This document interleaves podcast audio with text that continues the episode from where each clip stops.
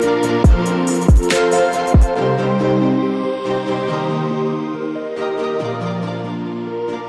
og velkommen til afsnit 33 af Magic Klubhuset. I dag er lidt særligt, fordi at øh, vi plejer jo altid lige at næsten glemme, at vi skal gøre lidt øh, reklame for vores øh, faktiske klubhus, som nu er øh, op på nogle 60 øh, medlemmer, øh, og der er rigtig meget aktivitet, og det er nemlig rigtig fedt, og det er så fedt, så vi faktisk har fået en ekspert for klubhuset med i dag, og øh, det er Thomas, og jeg har selvfølgelig også Mads med mig. Og Mads og Thomas, I hang ud i søndags øh, på vores Discord og snakkede om Historic øh, på Arena, hvilket er øh, temmelig meget i Fog of War territorium for mig, så, øh, så jeg glæder mig til at høre, hvad, øh, hvad, I, hvad I har været ude på, hvad det går ud på. Det var sådan, at øh, øh i vores klubhus har vi Thor, som øh, har klaret sig rigtig godt øh, tilbage tidligere. Jeg kan huske, om det var september eller august måned, men han har klaret sig så godt, at han var blandt de 1200 bedste på arena. Når man er det på øh, latteren, ladderen, øh, så, øh, så kvalificerer man til det, der hedder en, øh, en qualifier, hvor man, øh, man kan kvalificere sig til en endnu større turnering. Og, øh, og, og Thor øh, spiller meget limited, og også en lille smule constructed, har jeg indtryk af. Men han var så lidt usikker på, på det her øh, historic format, som han ikke har spillet særlig meget. Og øh, lige præcis, qualifying skal lige præcis spille historic, og derfor så kastede han en livlin ud og sagde, hjælp, jeg skal spille øh, qualifier historic, jeg aner intet, er der nogen, der kan hjælpe Og øh, Thomas var så sød og rar og tilbød sin hjælp, og, øh, og lavede sådan et lille seminar øh, på vores, i vores Discord-kanal, hvor han ligesom øh, gennemgik alle de vigtige dæks, og hvad skal man huske øh, omkring sideboarding, og øh, så tog de det dæk, som som de synes var et af de bedste, og som øh, hvad hedder det, Thor havde tænkt sig at spille, og så øh, spillede Thor nogle spil, og så, så sad vi og snakkede, og, og, og ligesom øh, øh, kom hele vejen igennem om, hvad er det her dæk godt til, og hvad er det skidt til, og hvad skal vi være opmærksom på, og sådan noget. Og det synes jeg bare var så enormt øh, inspirerende og lærerigt, at øh, det burde vi da brede ud til en større kreds. Øh, så det gør vi nu, og, øh, og, og så er det vel på sin plads at give ordet til dig, Thomas. Og jo, tak. En lille ting, inden Thomas han lige får ordet, fordi udover at vi har fået Thomas med i dag, øh, som øh, bliver mega fedt, så er det jo faktisk også affødt, at, øh, at det simpelthen sådan helt øh, autonomt, kan man sige, øh, og det er jo det, der er det fede, at, at øh, der er simpelthen, øh, vi har aftalt, at man bare mødes øh, på Discorden om søndagen, og gennemgår, du ved, dem, der ved noget om noget, og dem, der har lyst til at vide noget om noget, og så tager vi simpelthen bare et emne op øh, på vores Discord øh, hver øh, søndag aften, og så kan man uh, tune ind, og være med og lære noget, eller ej. Øh, og, og, og det kom jo ligesom ud af den der ene chance, og det, øh, det synes jeg er mega fedt. Så hvis vi lige skal runde den af, hvis man gerne vil være med til den slags, så er det ind på magicklubhuset.dk, og så bliver man sendt direkte over og kan ansøge om at komme med i vores øh, Facebook-gruppe. Og så er det dig, Thomas. Jo, tak. Øh, jeg har øh, taget en præsentation med, som I lige kan kigge lidt på. Skulle vi ikke lige, uh, lige starte med at høre lidt om, hvad er dit forhold til Historic og Magic? Jo, øh, gerne. Altså, Historic er mit yndlings constructed format i øjeblikket. Jeg spiller ellers mest limited, øh, og har spillet i mange år efterhånden. Jeg har spillet med nogle venner tilbage i folkeskolen i slut 90'erne og starten af 2000. Øh, og så holdt jeg en pause efter det originale Ravnica kom ud, øh, og holdt en pause i et par år, indtil Arena kom, og jeg begyndte at kunne spille med lidt flere folk, og, øh, og lidt billigere også. Øh, men jeg har, jeg har spillet masser af kortspil i mellemtiden også, øh, og specielt har jeg spillet øh, forskellige limited formater i andre kortspil, øh, blandt andet i Hearthstone og sådan noget. Øh, så det er der min, man kan sige, min ekspertise er. Øh, normalt. Øh, men jeg er blevet rigtig bit af det her Historic på Arena, øh, som jo er det ikke-roterende format, vi har.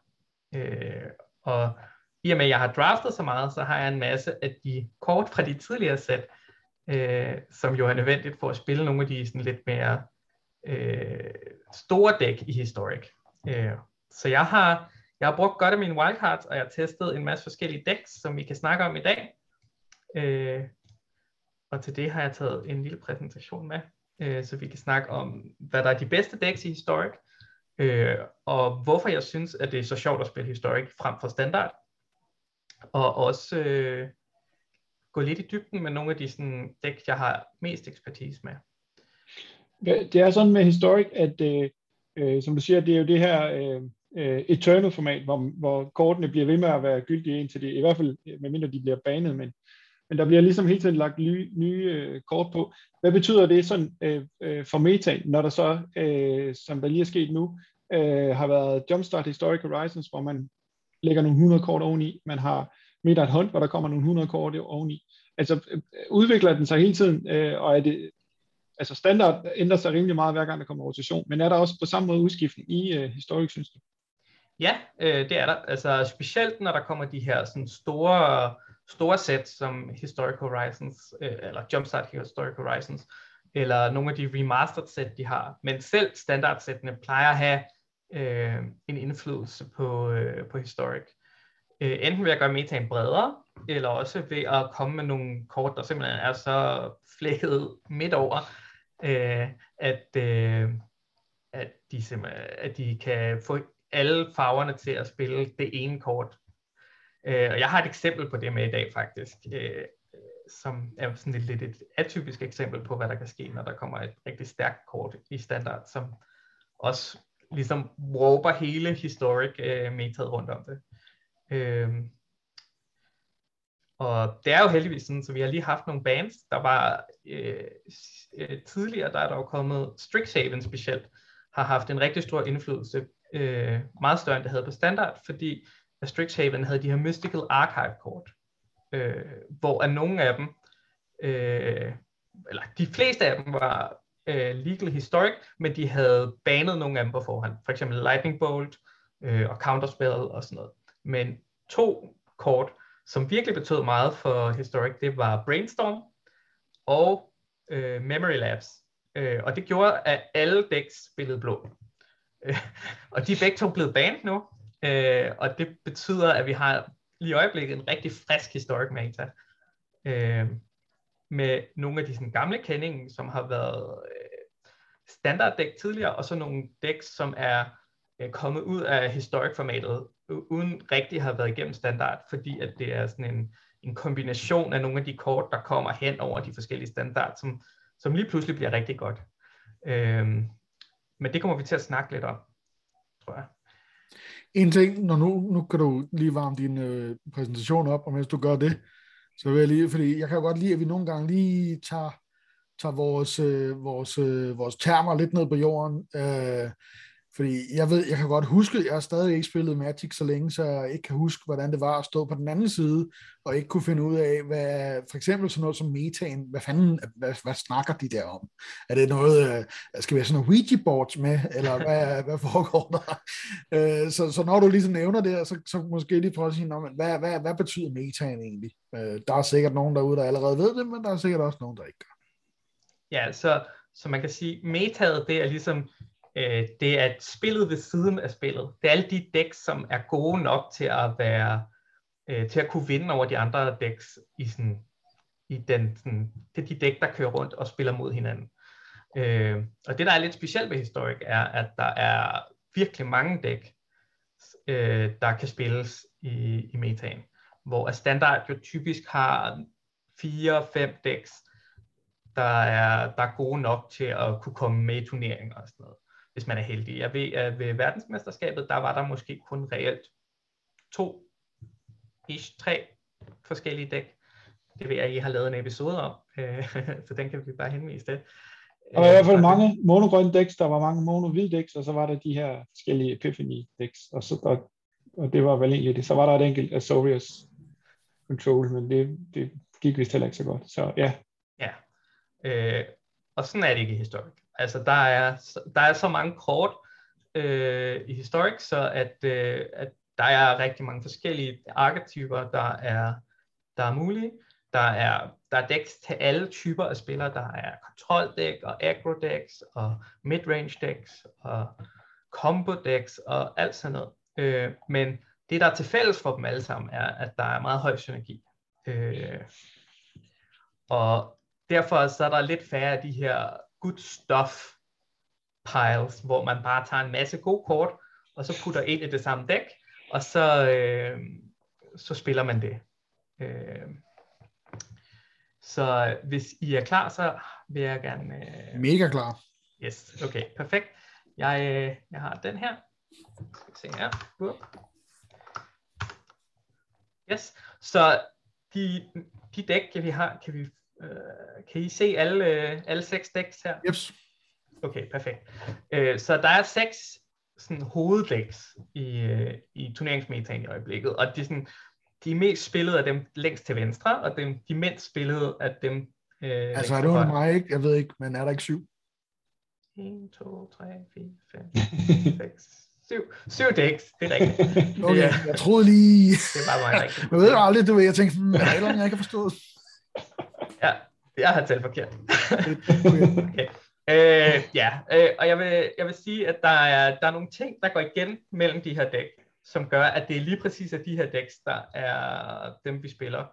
Øh, og der er specielt fire kort, som faktisk gør, at det er mere eller mindre af de her dæks, man, man spiller, og dæks, der er i samme type. Et dæk, der spiller sig ud, øh, skiller sig ud fra de andre, det er det mest spillede dæk, John Food. Øh, og jeg kan, I kan se her, jeg har ligesom prøvet at inddele, inddele de forskellige decks i arketyper. Så der er et klassisk aggro deck her, og så er der et par midrange decks, øh, og øh, to tribal decks, og et tempo deck, og et kontrol deck. Og vi kan prøve ligesom at gå igennem, hvad de her forskellige termer betyder.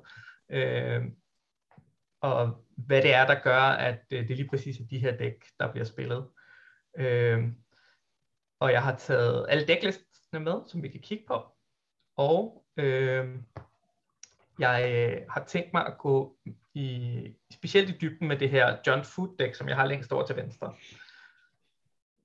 Øh, så som jeg sagde før, så det der er til fælles for dem alle sammen, er, at de har meget høj synergi, øh, og det er nogle meget strømlignede dæk.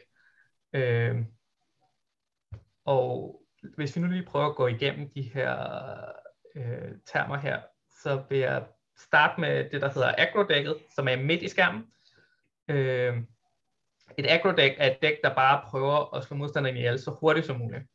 Øh, og historic, der betyder det, at man spiller one-drops og two-drops, så creatures på 1 og 2, og så spiller man ting, der giver skade til modstanderen direkte, så spells, der giver 2 eller 3 eller 4 skade direkte til modstanderen udenom deres creatures.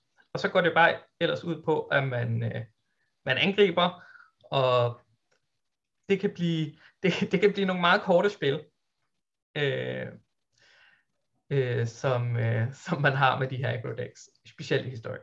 Øh, man vil også opleve, at at spillene generelt er lidt kortere, end de vil være i, øh, i standard. Både fordi, at, at, at øh, der simpelthen er bedre kort, men også fordi, at der er flere kort, der kan det samme. Øh, så hvor du i standard måske har et ramp-kort på to mana, så har man i historic tre eller fire ramp-kort på to mana, og det gør, at man kan, man kan ramme syv mana i tur 4 eller 5 måske, i stedet for i tur 6. Øh, og man kan se, at nogle af de decks, der blev spillet i, i den sidste standard meta, de er i sådan nogle tunede versioner i, i historikken. For eksempel det Sultai Ultimatum dækket, der blev spillet lige en rotation, hvis der er nogen, der kan huske det. Øh, hvor det bare gik ud på at få syv mander så hurtigt som muligt, så kaste sit ultimatum, og så, så vandt man spillet. Øh, der er lignende versioner i øh, Historic. Men der er også de her, øh, den her sådan meget brede meta. Øh, okay, så har jeg taget to midrange decks med. Midrange, det er decks, der spiller øh, creatures i sådan forskellige størrelser. Øh, typisk vil de have nogle effektive store dyr, og så øh, nogle, nogle effektive spells, det vil sige spells, der gør meget for den mana-kost, de har. Øh, de spiller removal for en eller to mana, øh, og de spiller for eksempel det her Nif Misset deck, det kan spille en 5-5'er for to mana, hvilket er meget højere, end hvad vi ser i standard, hvor de bedste creatures måske er tre træer for to mana. Øh, og det er sådan, den generelle plan er, spille dyr, der gør rigtig meget for rigtig lidt mana, og spille spells, der gør rigtig meget for rigtig lidt mana, og så ellers bare prøve at vinde ved at have mest value og brugt mindst mana. Øh, så har jeg taget to tribal decks med, som er decks, der er centreret omkring en eller anden creature type. Det længst til højre, det er et Merfolk deck, som stort set kun spiller Merfolk, og har en masse kort, der gør Merfolk bedre. Øh, og det har en meget sådan øh, ensporet plan, det er at spille Merfolks, og så spille flere Merfolks, og så gøre alle Merfolks bedre, og så spille flere Merfolks, der gør alle Merfolks bedre, og så gøre det så meget som muligt, og så lige pludselig så har de fem Merfolks, der er fem femmer alle sammen, øh, og så slår de modstanderen med dem. Jeg har sådan et, uh, det der Slivers uh, Historic Brawl deck, og det går også helt over det vind. Det, det er ret sjovt. Øh, og der er andre tribal decks, udover dem, der er med her. Altså, der er, øh, der er vampires og zombier og øh, goblinger er et af de meget populære decks. Øh, og så har jeg taget det her human deck med også, som er et af de bedste dæk i øjeblikket, fordi at det spiller det, man kalder taxing effects, som går ud på, at det gør modspillerens spells øh, dyre og svære at kaste, og samtidig har det den her indbyggede synergi mellem alle humansene, der gør, at, øh, at humansene også bliver større og større. Det spiller noget, der hedder et kort, der hedder Thalia's Lieutenant, som bare gør alle humans for plus et plus et, når den kommer i spil. Øh, counters. Øh, og så spiller det ellers bare creatures, der er effektive, og det spiller mange af dem, og det spiller øh, så de her taxing kort, der gør, at det er svært at interagere med dækket øh, med spells. Øh, så har jeg et klassisk kontroldæk med, som øh, det her Jeskai kontroldæk er. Det er, hvor du spiller counterspells, du spiller removal, og så øh, øh, gælder det op at sørge for, at modstanderen ikke gør noget af det, de har lyst til, basically. Øh, hvis de spiller en spil, der er farlig, så counter du den, og hvis de spiller et dyr, der er farligt, så slår du det ihjel. Og så lige pludselig, så smider det en eller anden stor spil, og så vinder det spil. Øh, og man vil se, at de kontrol finishers, vi har i Historic, som er de store spells, vi bruger til at gøre spillet færdigt med, de er endnu bedre end dem, vi ser standard. Hvor i standard, der er det i øjeblikket den her Epiphany, som er få en ekstra tur, lav to 1 1 øh, Typisk vil det være nok til at afslutte et spil, hvis man har bare en lille smule nede i forvejen. Øh, så er Historic, der spiller vi et kort, der hedder øh, Gearhawk, Torrential Gearhawk, som er et creature, der flasher en spell tilbage fra din graveyard. Det vil sige, at hvis du har en instant spell i din graveyard, så må du kaste den gratis. Øh, og så lige pludselig så har du en eller anden dyr spil i din graveyard, du har kunnet smide ned, øh, og så vinder du spillet. Og det, vi kommer til at kigge på dækket, hvor man kan se præcis, hvordan det fungerer. Øh, og vi kommer også til at se en af de generelle temaer for Historic, er, at man bruger graveyarden rigtig meget øh, hvor at det måske ikke er så relevant for constructed decks i standard. Det sidste dæk, jeg har med, er det her Iset Phoenix dæk, som er lidt anderledes end de andre. Jeg har derfor jeg kaldt det et tempo dæk. Øhm, og jeg ved ikke, om der er nogen af jer, der ved, hvordan øh, den her Phoenix den fungerer. Men det er sådan, at hvis man har Phoenixen liggende i sin graveyard, og man spiller tre instants eller sorceries i sin tur, så må man sommerne sin Arclight Phoenix, og så har den haste, og den er flying, og den kan angribe. Så det her dæk, det går ud på, at man spiller rigtig mange instances sorceries, der koster en mana, måske to mana, og så ellers bare smider så mange kort i graveyarden, som du overhovedet kan, sådan så at du kan komme igennem dit dæk. Og så hele tiden øh, sørge for at bruge de billige spells til at dræbe modstanderens dyr, og så samtidig prøve at få de her meget billige, meget hurtige dyr i spil, og på den måde have, have flere dyr end modstanderen, uden rigtig at kontrollere det hele, ligesom kontroldækket vil gøre, men ligesom at, at overhale modstanderen ved at have mere fart på. Øh, ja. Okay? Yep. Ja, ideelt, ideelt set, så kan du discarde fire phoenixer i graveyarden, øh, og så spille øh, tre, øh, Tre spil. draw spells, eller tre små spells, og så har du lige pludselig øh, 4 3 2 flying, der angriber i samme tur. Og hvis, det, hvis modstanderen slår dem ihjel, så kan du jo ikke gentage øh, succes kommer de bare tilbage næste igen. tur, eller næste tur igen. Øh, ja. Yes. Så hvis I lægger mærke til det her, så vil I se, at der er nogle af farverne, der går igen. I kan se rigtig mange røde dæk, og I kan se rigtig meget rød-blå også. Og så kan I se, at der er nogle grønne farver, der måske ikke passer så meget ind øh, lidt rundt omkring. Der er for eksempel det her Celestia of Humans dæk. Langt de fleste af creaturesne i det dæk, det vil være hvide humans. Og så spiller det grøn også. Og der er en grund til det, og det kommer vi ind på nu, fordi at de fire kort i Historic, der betyder mest i øjeblikket, det er de her fire kort. Øh, og det ene kort, kan I se, det er fra Strixhaven. Øh, og det er fordi Expressive Iteration, det er simpelthen så godt. Det, det trækker to kort for to mana, og der er, du får lov til at kigge på tre kort. Øh, og I vil se, at de fleste spiller den på tur 3, hiver et eller andet kort op på hånden, spiller et land, og så har du trukket to kort for to mana, og kigget på tre, smidt det dårligste væk, fået et land ned, og øh, trukket et ekstra kort. Og det er simpelthen nok til, at der er rigtig mange decks, der spiller rød-blå. Øh, derudover så er der kommet to nye kort med, øh, øh, med det her. Er det fordi, jeg skal spørgsmål? Øh, Ja.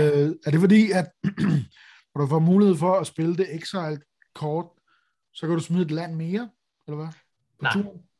Nej, nej. Det er, altså grunden til, at man spiller det, så man kan spille landet, det er, at øh, ellers så har du ikke mulighed for at tage begge kort op. Altså typisk, det er også derfor, du venter til tur 3. Det er sådan, Ja. så du kan bruge din tur, altså du kaster den, mens du kun har to lande nede, og så bruger du den til at kaste dit tredje land. Øh, øh, men det vigtige er det her med at trække mange kort for lidt mana. Øh, fordi at det er svært, altså det er svært at få lov til at trække to kort for, tre, øh, for to mana. Øh, normalt så er altså den standard pris, du vil se for at trække to kort, det vil være tre mana. Øh, og den Ja. ser vi tit øh, i, som en common i standard, øh, noget, det der hedder divination.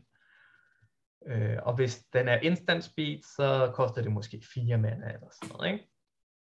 Øh, men det at få lov til at gøre det for to mana, det betyder rigtig meget.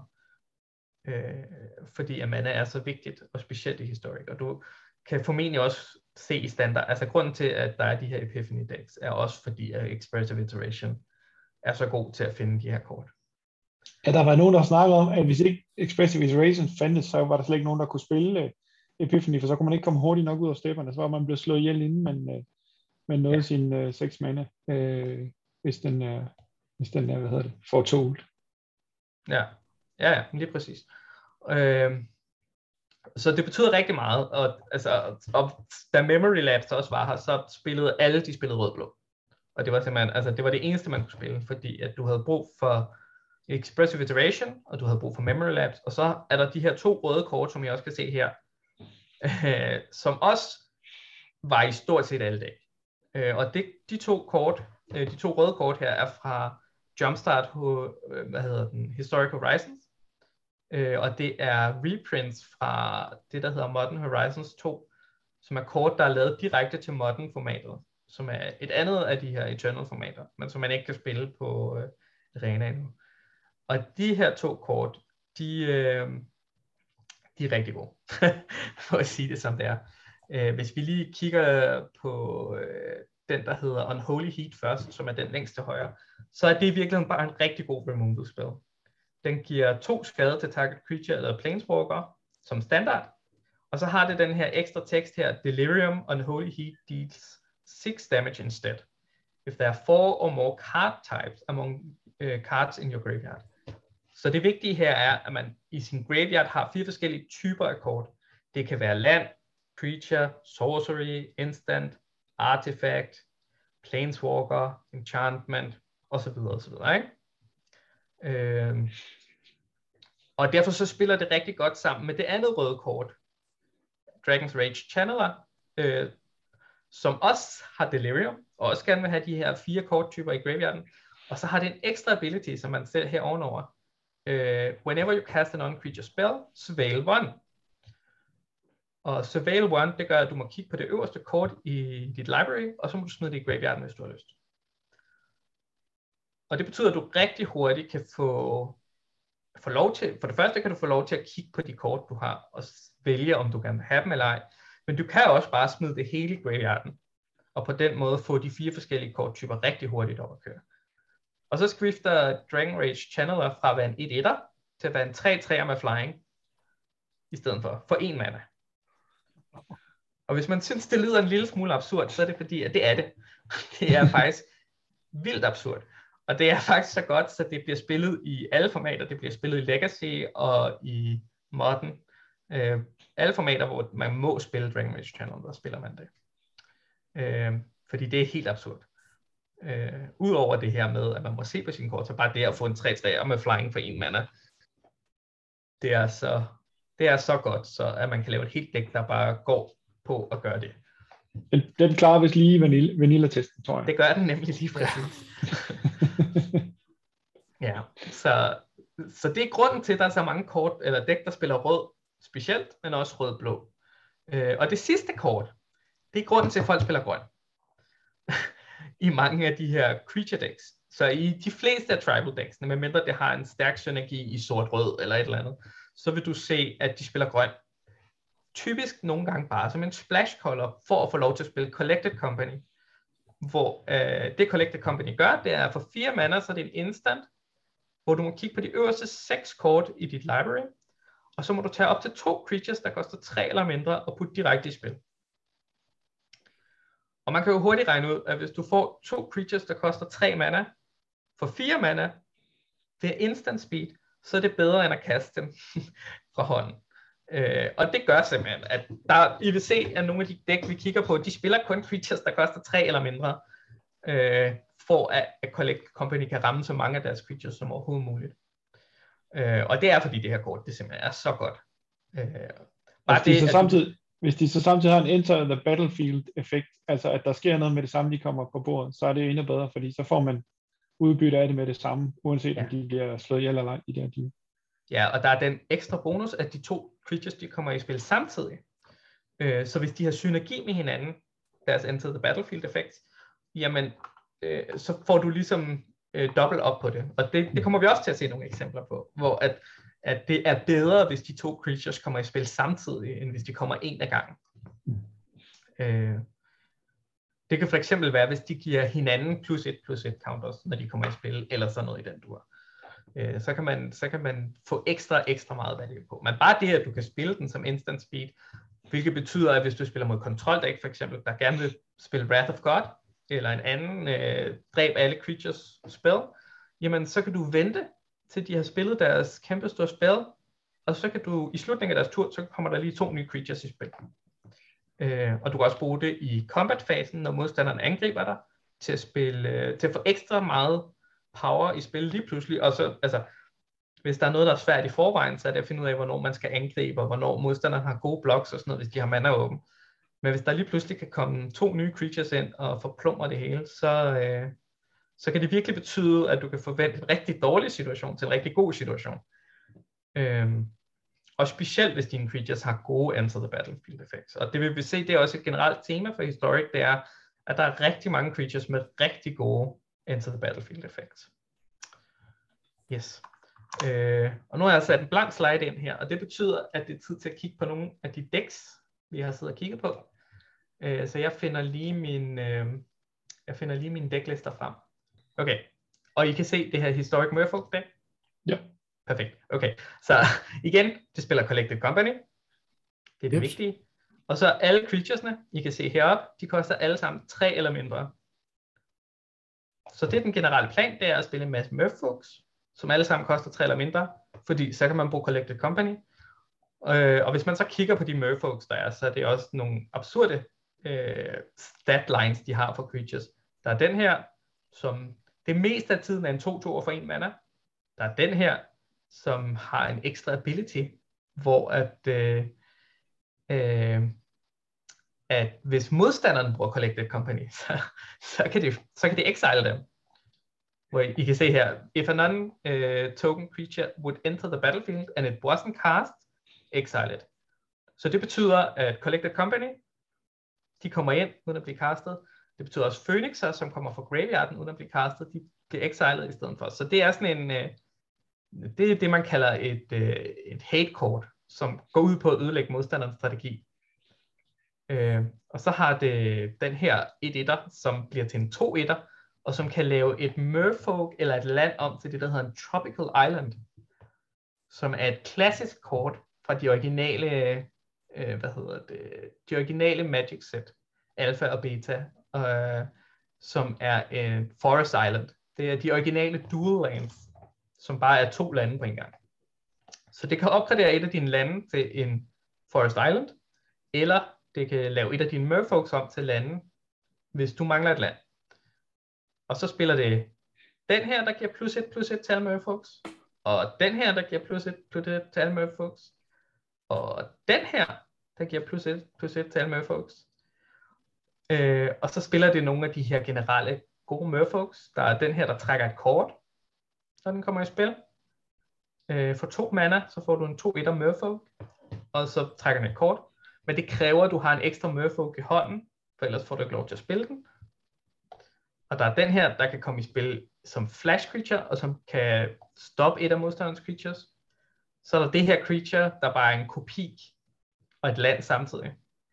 Og så den sidste her, øh, det er en merfolk, der trækker kort og beskytter dine andre merfolks øh, ved at give dem ward 1. Og samtidig er den indestructible, hvis du har mere end to andre merfolks. Så det er nu, og så er det en 3-4 for 3 mana. Så det, hvis man sådan tager det samlet, så er det, at øh, du vil gerne spille en masse gode Murfolks sammen, og de bliver stærkere og stærkere, jo flere du har af dem. Fordi der er så mange af dem, der giver hinanden plus 1 plus 1.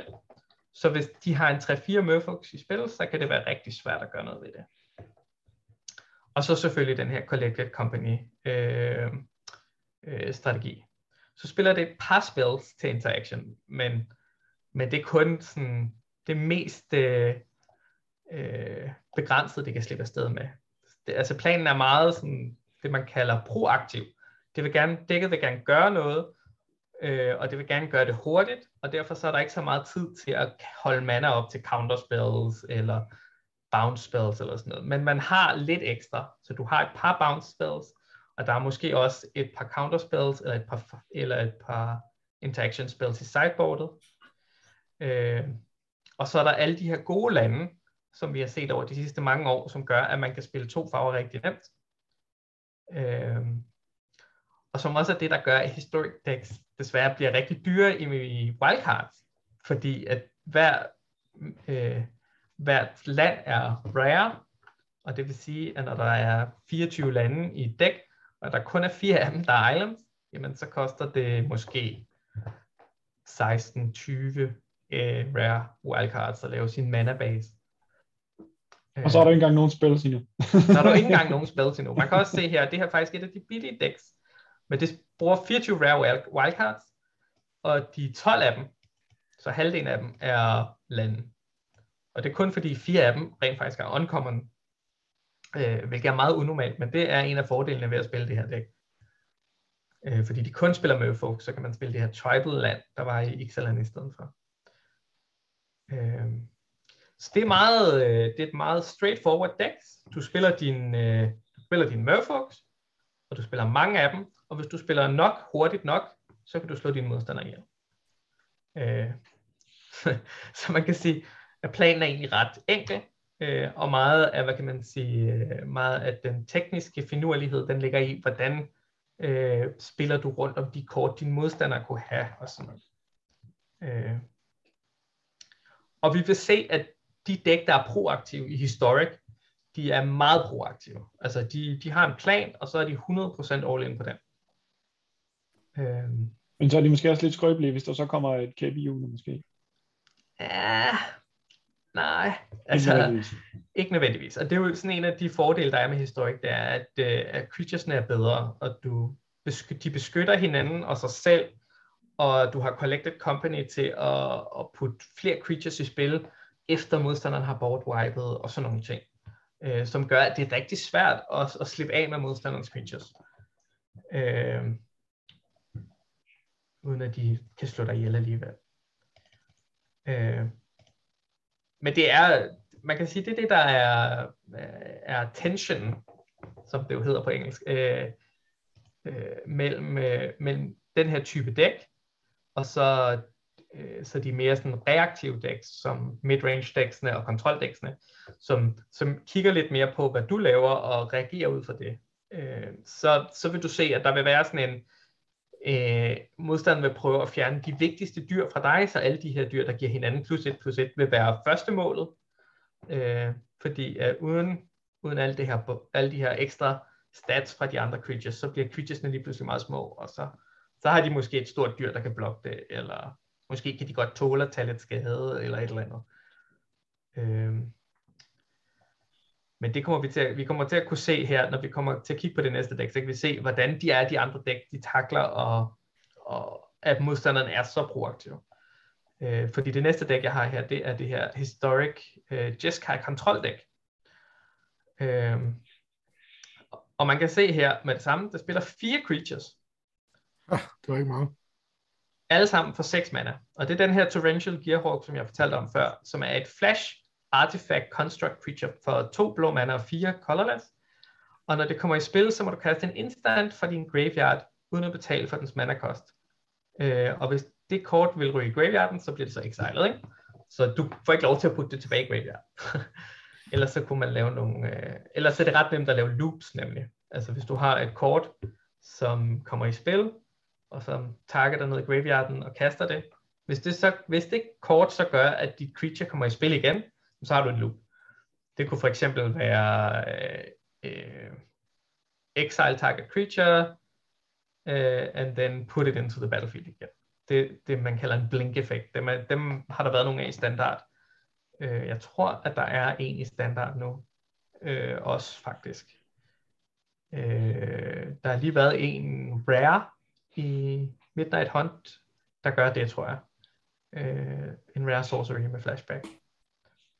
Øh, men ellers er det, det er sådan en meget standard effekt. Så det er grunden til, at den exiler. Så planen med det her kort, det er kast en kæmpe stor spil, øh, og vind med det. Men vend med at kaste den her, indtil du ligesom har løbet din modstander helt tør for kort, og, og, og ting, og alt hvad de havde. Ikke? Så det spiller også det her Magma Opus, som jeg ikke ved, om I kan huske fra Strixhaven, øh, som er en 8 spil. Instant, det vil sige, at din Torrential Gearhawk kan kaste den, og så har det den finurlige lille detalje, at du for to mana kan discarde den og smide den direkte i graveyarden og få en treasure token. Det vil sige, at du behøver ikke at kaste den først, før den ender i graveyarden. Du kan, du kan simpelthen selv smide den derned. Øh, og det gør, at øh, du behøver ikke have dine 8 mana for at kaste dine 8 mana spil. Og samtidig så, så giver den dig også en treasure token, som giver dig lidt ekstra mana, hvis du vil have den lidt hurtigere spil. Øh, og som en lille bonus til de her Torrential Gear så spiller den den her Mystics Mastery, der for fire mana gør det samme. Så for fire mana, så kan den kaste en instant eller sort, og sorcery for din graveyard. Og nu er vi nede på at betale 4 mana for vores 8 mana spil, og så begynder det lige pludselig ikke at betyde så meget, at man har brugt to eller tre kort på det. Ikke? Øhm, fordi at øh, der er så, altså, din 8 spil gør så meget, at, at det er okay at have betalt to kort for den. Det er okay først at have discardet den, og så bagefter øh, betale fire mana for at kaste den igen med en ny spil.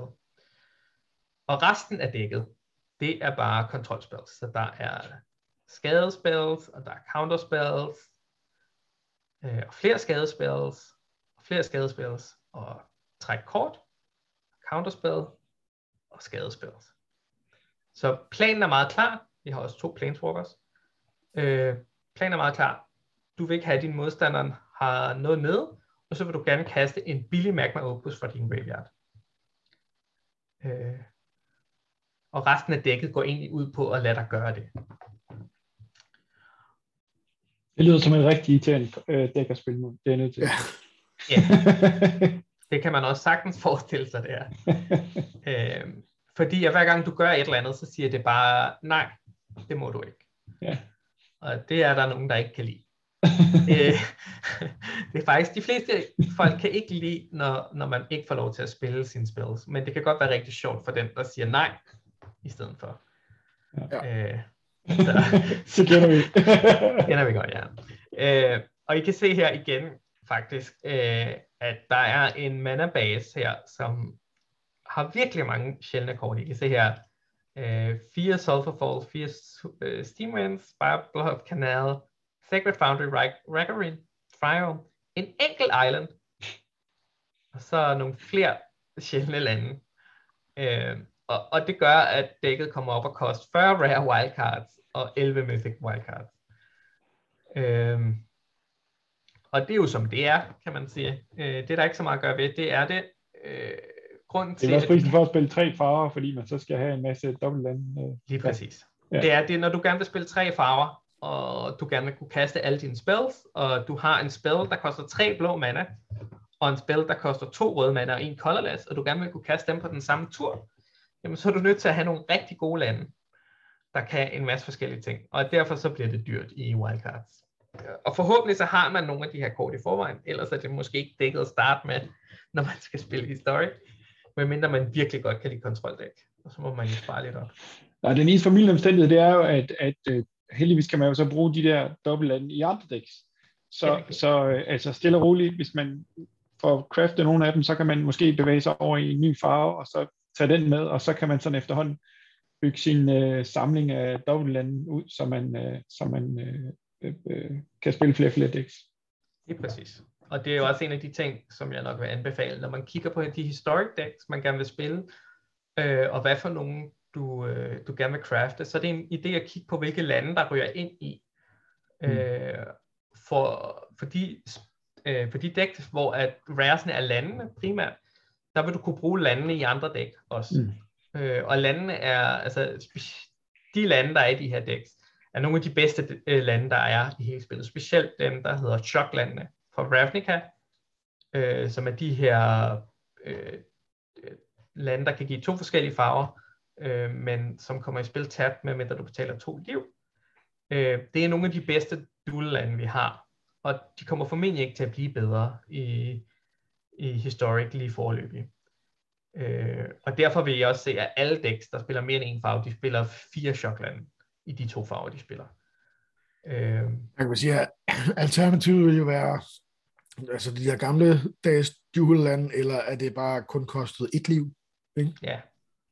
Der er selvfølgelig også nogle af de der, hvor man øh, skal tage et andet kort op, og så videre, ikke? Men, at, men det bliver næsten ikke billigere end det der.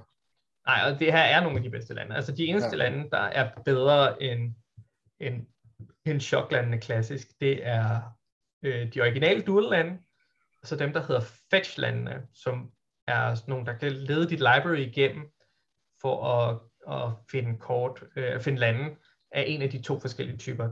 Øh, for eksempel er der en, der leder efter en island eller en mountain.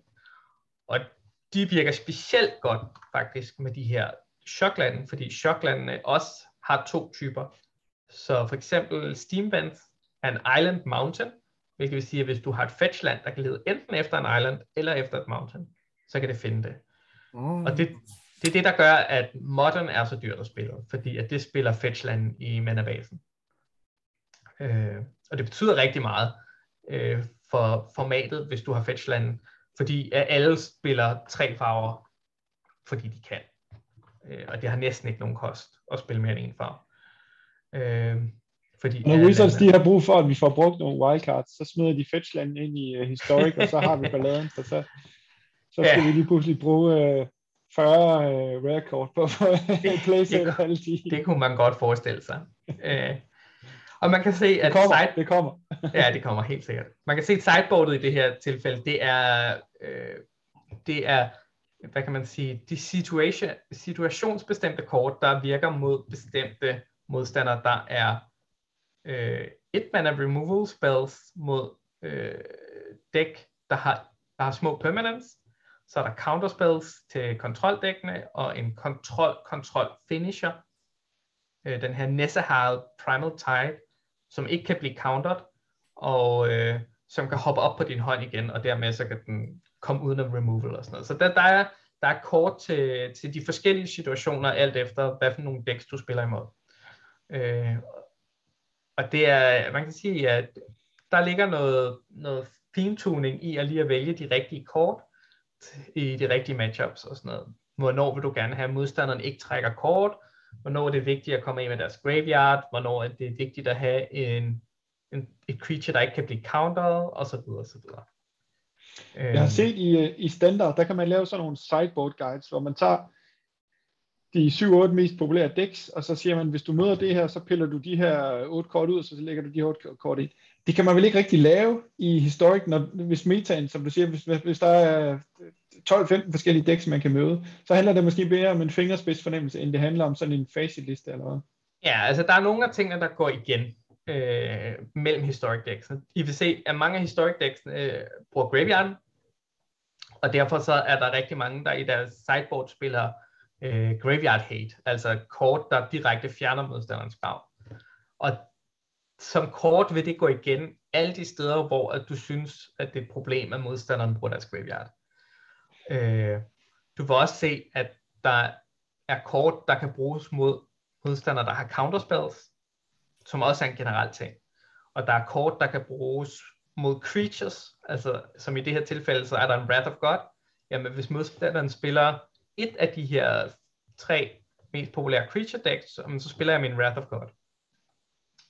Og, og derfor er der ikke på samme måde de her sådan øh, deck-specifikke øh, sideboard-kort, men der er sådan nogle mere general purpose øh, sideboard-kort, ja. øh, som er gode mod mange forskellige ting, øh, men som stadigvæk er effektive svar, ikke?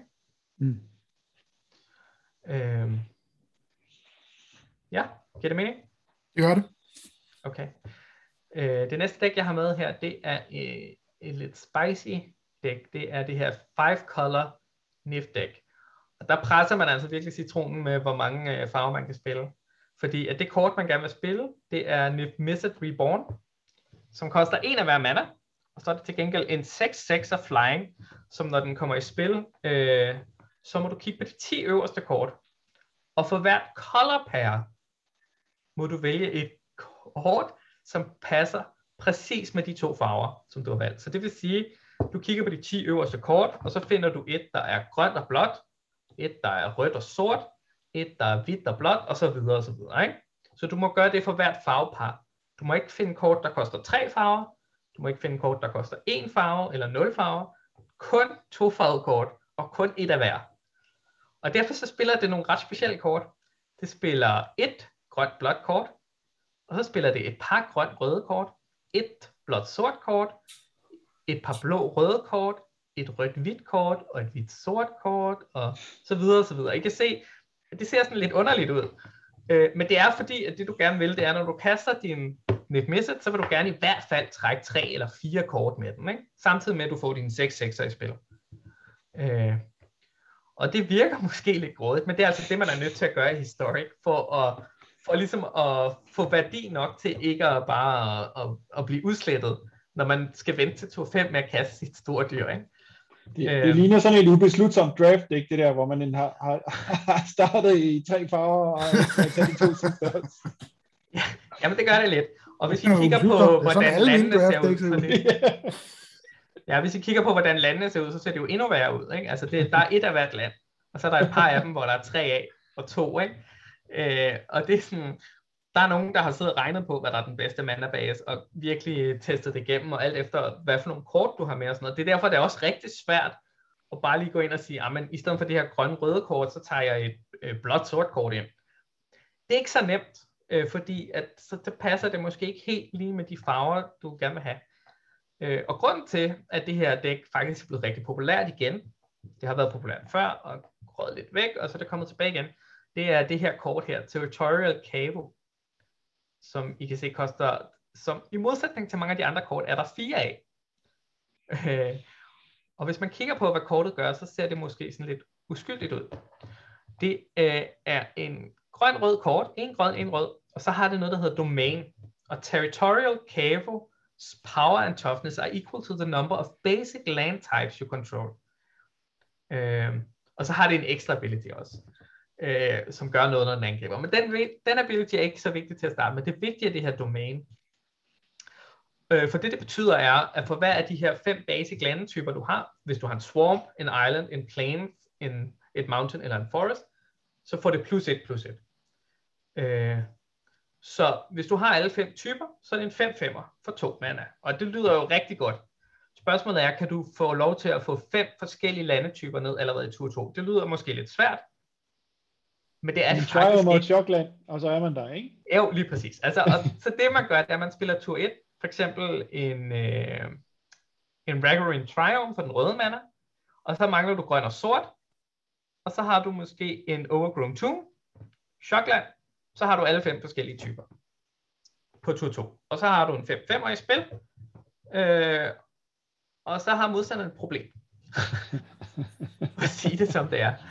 Øh, og den 5-5'er, øh, den har så også den her ekstra ability, som vi lige sprang over, som gør, at den kan, det der hedder loot, eller rummage, som er, at du discarder, discarder et kort og trækker et nyt kort, hver gang den angriber, eller du kan exile et kort fra modstanderens graveyard. Og begge de to abilities er rigtig gode. Øh, den første del, den bruger du til, hvis du gerne vil finde de kort, du gerne har brug for, så rummager du bare hop. Øh, og den anden del, den kan du bruge, hvis modstanderen har noget farligt i graveyarden. Så det er sådan en, en lille bonus ting, at den også kan. Og det gør simpelthen, altså du vil se, at folk de nogle gange mulliganer lidt, lidt aggressivt med det her dæk, for at få lov til at spille den her på 2-2. Som minimum som en 4-4. Nogle gange som en 5-5'er. Og det er meget ubehageligt, når det sker. Øh, og så bruger de så den her 5-5'er, der angriber der hver tur til at prøve at finde de næste kort, der kan komme i spil. Det kunne være en ekstra 5-5'er, eller det kunne være deres Nif Missed Reborn. Og hvis man så kigger på, hvad for nogle spells det spiller dækket, jamen så mest af det er faktisk removal. Øh, det spiller tre Fatal Push, som er et sort mana, destroy target creature, der koster 2 mana og less. Og så har det noget, der hedder Revolt, hvor du må dræbe et dyr med 4 mana kost, i stedet for, hvis du har et permanent, der har, der har left uh, the battlefield this turn. Så det vil sige, hvis det er din dyr er døde, eller hvis du har offret noget, det kunne for eksempel være en Fabled Passage eller sådan noget, øh, jamen så, så slår det dyr helt op til 4 ihjel. Og det er en af de bedste removal spells, der er historic. Der er rigtig mange af de dæk, der spiller sort, spiller sort primært på grund af øh, Fatal Push, og så et kort, der hedder Thought Cities, som jeg tror, vi også kommer til at se på, når vi snakker John Food. Øh, men det er en rigtig effektiv måde. Altså, den, den dræber dyr til to mander for en mander. Det er en god handel. Og nogle gange så dræber det dyr helt op til fire mander for en mander. Det er en rigtig god handel. Øh, og ellers så spiller den det her kort, som vi har set før, Expressive Iteration, for at, at bladre igennem deres dæk. Det spiller også en af de rigtig gode removal spells øh, for Historic Lightning Helix, som giver tre skade og giver dig tre liv. Og de tre liv er faktisk ret vigtige. Øh, det er det, der gør forskellen på, om det her er et rigtig godt kort, eller et mm, mellemgodt kort. Tre skade for to mand er sådan lidt, øh. Men tre skade, hvor du også får tre liv, gør, at det er rigtig godt mod aggro decks. Øh, og ellers så spiller det nogle flere removal spells. Der er noget, der er en, en, en AoE-spil, som man primært spiller, fordi den har to farver, hvilket vil sige, at du kan hente den med Nip Misse, og så fordi, at den også kan dræbe ting. Øh, i, hvad, hvad kan man sige, mange ting på en gang, ikke? Øh, og så er der nogle sådan lidt mere all-purpose removal spells her. Og, og det er sådan, ideen er sådan meget simpel, det her med, prøv at, at få så meget ud af din net message som overhovedet muligt, og få lov til at kaste ham. Og så resten er ligesom til for at give dig lov til at gøre det. Ja. Nyt. Yes. Som en knejt, han vil sige. Yes.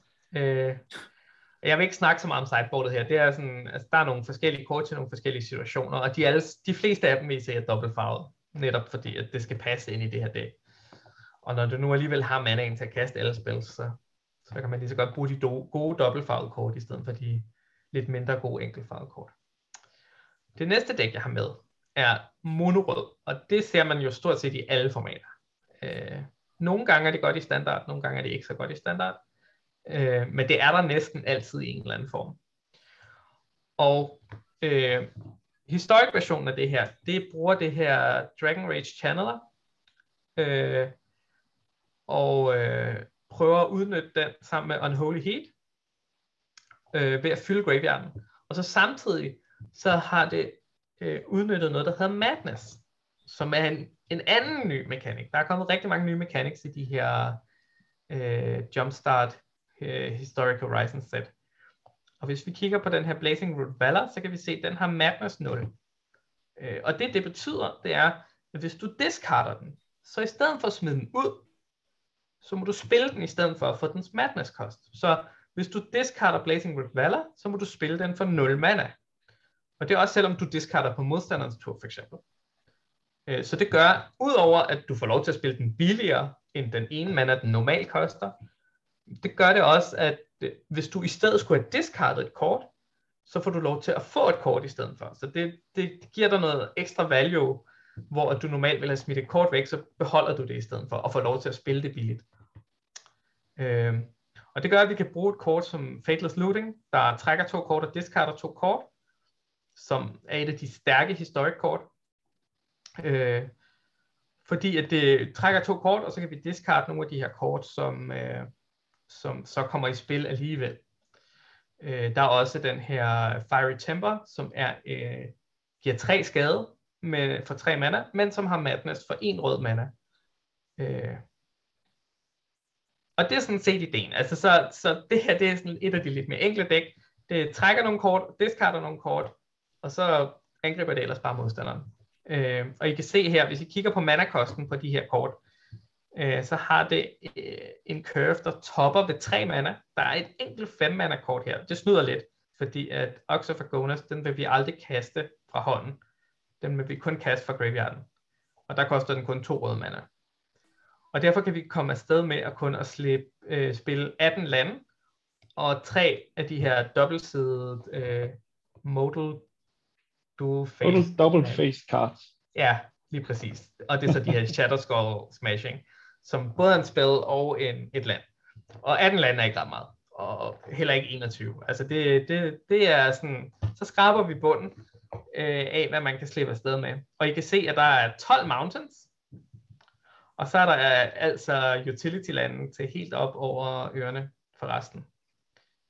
Øh, så det er et meget strømlignet dæk men meget enkel gameplan. Det er, du vil gerne spille nogle dyr, øh, du vil gerne spille din Dragon Rage Channeler, og du vil gerne spille øh, din Bowmat Courier og din Magmatic Challenger. Øh, og resten af dyrene faktisk, og også din Season Pyromancer, men de fire andre, eller de tre andre dyr vil faktisk helst discardes. Øh, så, så det er sådan en, det er sådan en, øh, det er sådan en lidt, lidt underlig plan måske, at vil discard sine ting, men, men hvis man kan spille det direkte på graveyarden, eller spille det, når man discarder det, så, så kan man slippe afsted med det. Og det er det, der er planen her. Der er en masse nye kort med, som I ikke vil have set før, hvis man kun spiller standard. Der er blandt andet den her Mana Gorge of Phoenix, der faktisk er et øh, arena-specifikt kort. Det har den her, I kan også se, at opløsningen er måske lidt dårligere på den, jeg ved I kan godt se, når jeg holder over kortene. Jo, jo. Jo, okay. Jeg kan godt, se, se, jeg kan godt se, at teksten er lidt mere mudret på det. Ja, og det er fordi, at der ikke findes et rigtigt kort med Mana Gorge Phoenix. Det er et rene kun kort. Den har noget, der hedder Persist, eller Perpetual. Øh, og den gør det, at hvis den ligger i graveyarden, når du så kaster spells, der koster rød mana, øh, så får den en counter på. Og når det har, jeg tror, fem counters, så kommer den i spil. Og hver gang den kommer i spil for graveyarden, så får den plus et plus et mere øh, for evigt. Så den starter med at være en 2 2 smider du den i graveyarden. Første gang den kommer i spil, så er det en 3 3 Så dør den måske igen. Så næste gang den kommer i spil, så er det en 4 4 og så dør den måske. Og så kommer den i spil som en 5 5 og så videre og så videre. Ikke? Øh, så, så det er sådan noget, man kun rigtig kan gøre i arena, fordi ellers så skulle du sidde og skrive på dit kort hver gang, nu har den plus 1 plus 1 mere. Og det, så bliver man hurtigt upopulær, hvis man sidder og skriver med spritus på sit kort, ikke? Øhm, så, så man kan sige, at det, ja, øh, det, er, det er et af de nye kort, som har betydet noget, som, som gør, at Historic også er anderledes end de andre Eternal-formater. Øh, og ellers så resten af, af dækket er enten creatures, der discarder kort, eller de, creatures, der gerne vil discarde. Så Dragon Rage Channeler, den vil gerne have discardet ting. Magmatic Channeler discarder ting, og smider dem i graveyarden for at give dig nye kort. Øh, Season Pyromancer discarder ting og giver dig nye kort. Øh, og resten af creaturesne vil egentlig gerne bare smides i graveyarden, og så kan de blive kastet derfra. Bomat Courier discarder din hånd, giver dig nye kort. Øh, så det, det er sådan det er temaet. Du discarder ting, får du nye kort, og så spiller du de ting, du har discardet for gratis mana, eller lidt mana, og så er du glad. og det er jo en af grundene til, at man ser meget af det her graveyard hate i historik. Det er, fordi der er dæk som det her, som bare smider ting i graveyarden fuldstændig uhemmet, og så kommer det tilbage igen i spillet, hvis ikke at du gør noget ved det.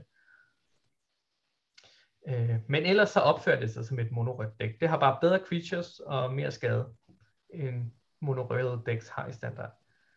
Så man spiller meget med den samme plan. Man vil gerne angribe modstanderen, man vil gerne bruge spells til at skyde modstanderen også, øh, og I vil se, at de spells, der er her, er lidt anderledes end i kontroldækkene. Der er ikke øh, de her, der er ikke så mange af de her øh, dræb kun creatures. Der er flere, giv to skade til any target, i stedet for kun creature eller planeswalker. Øh, fordi man vil gerne, hvis det nu er nødvendigt, vil man gerne kunne skyde modstanderen med den også. Det handler om at kunne tælle til 20. Lige præcis. Ja. Og gerne mere end 20. Øh, nogle gange.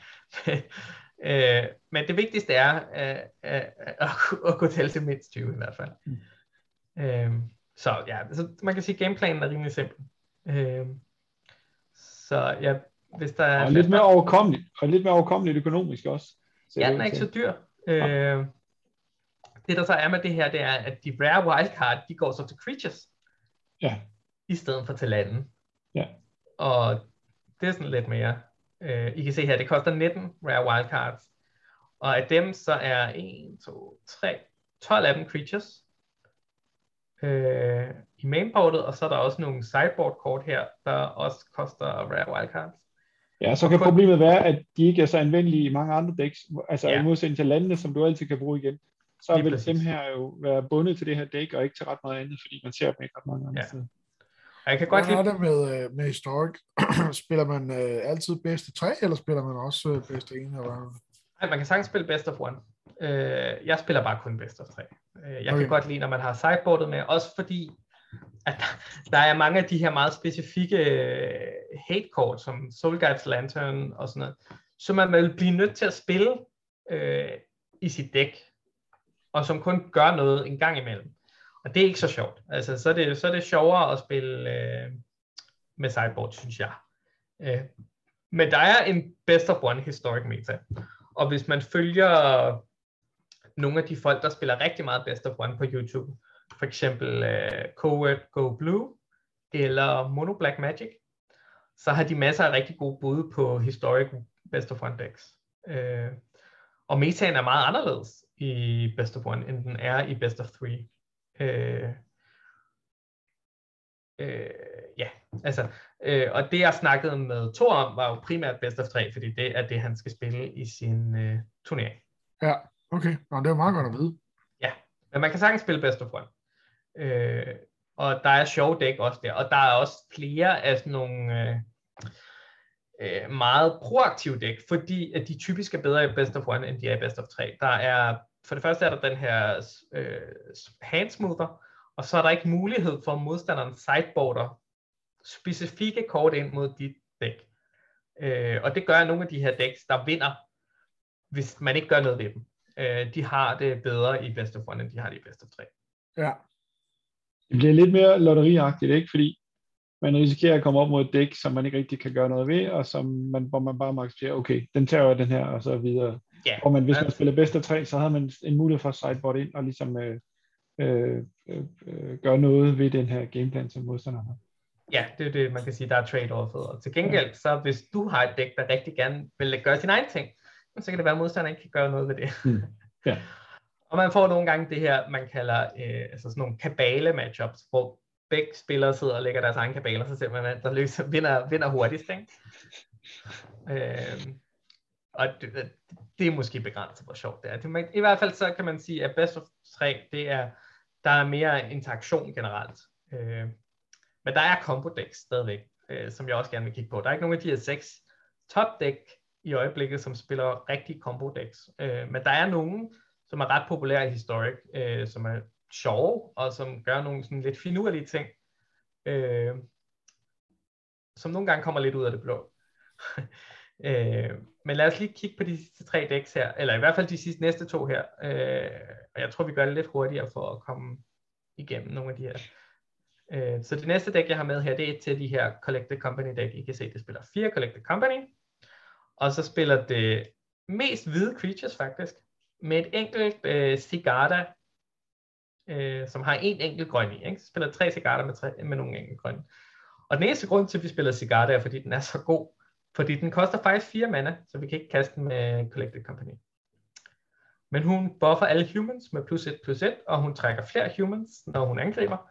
Og så har hun en 4-4 Flying Trample for 4, hvilket er jo, det er sgu meget godt. Øhm, det kan man godt slippe afsted med, selv i Historic. Det vigtige her er, at hun giver humans plus 1 plus 1, og hun kan hente flere humans op. Øh, hvis hun får lov til at angribe. Det er ikke så tit, hun gør det.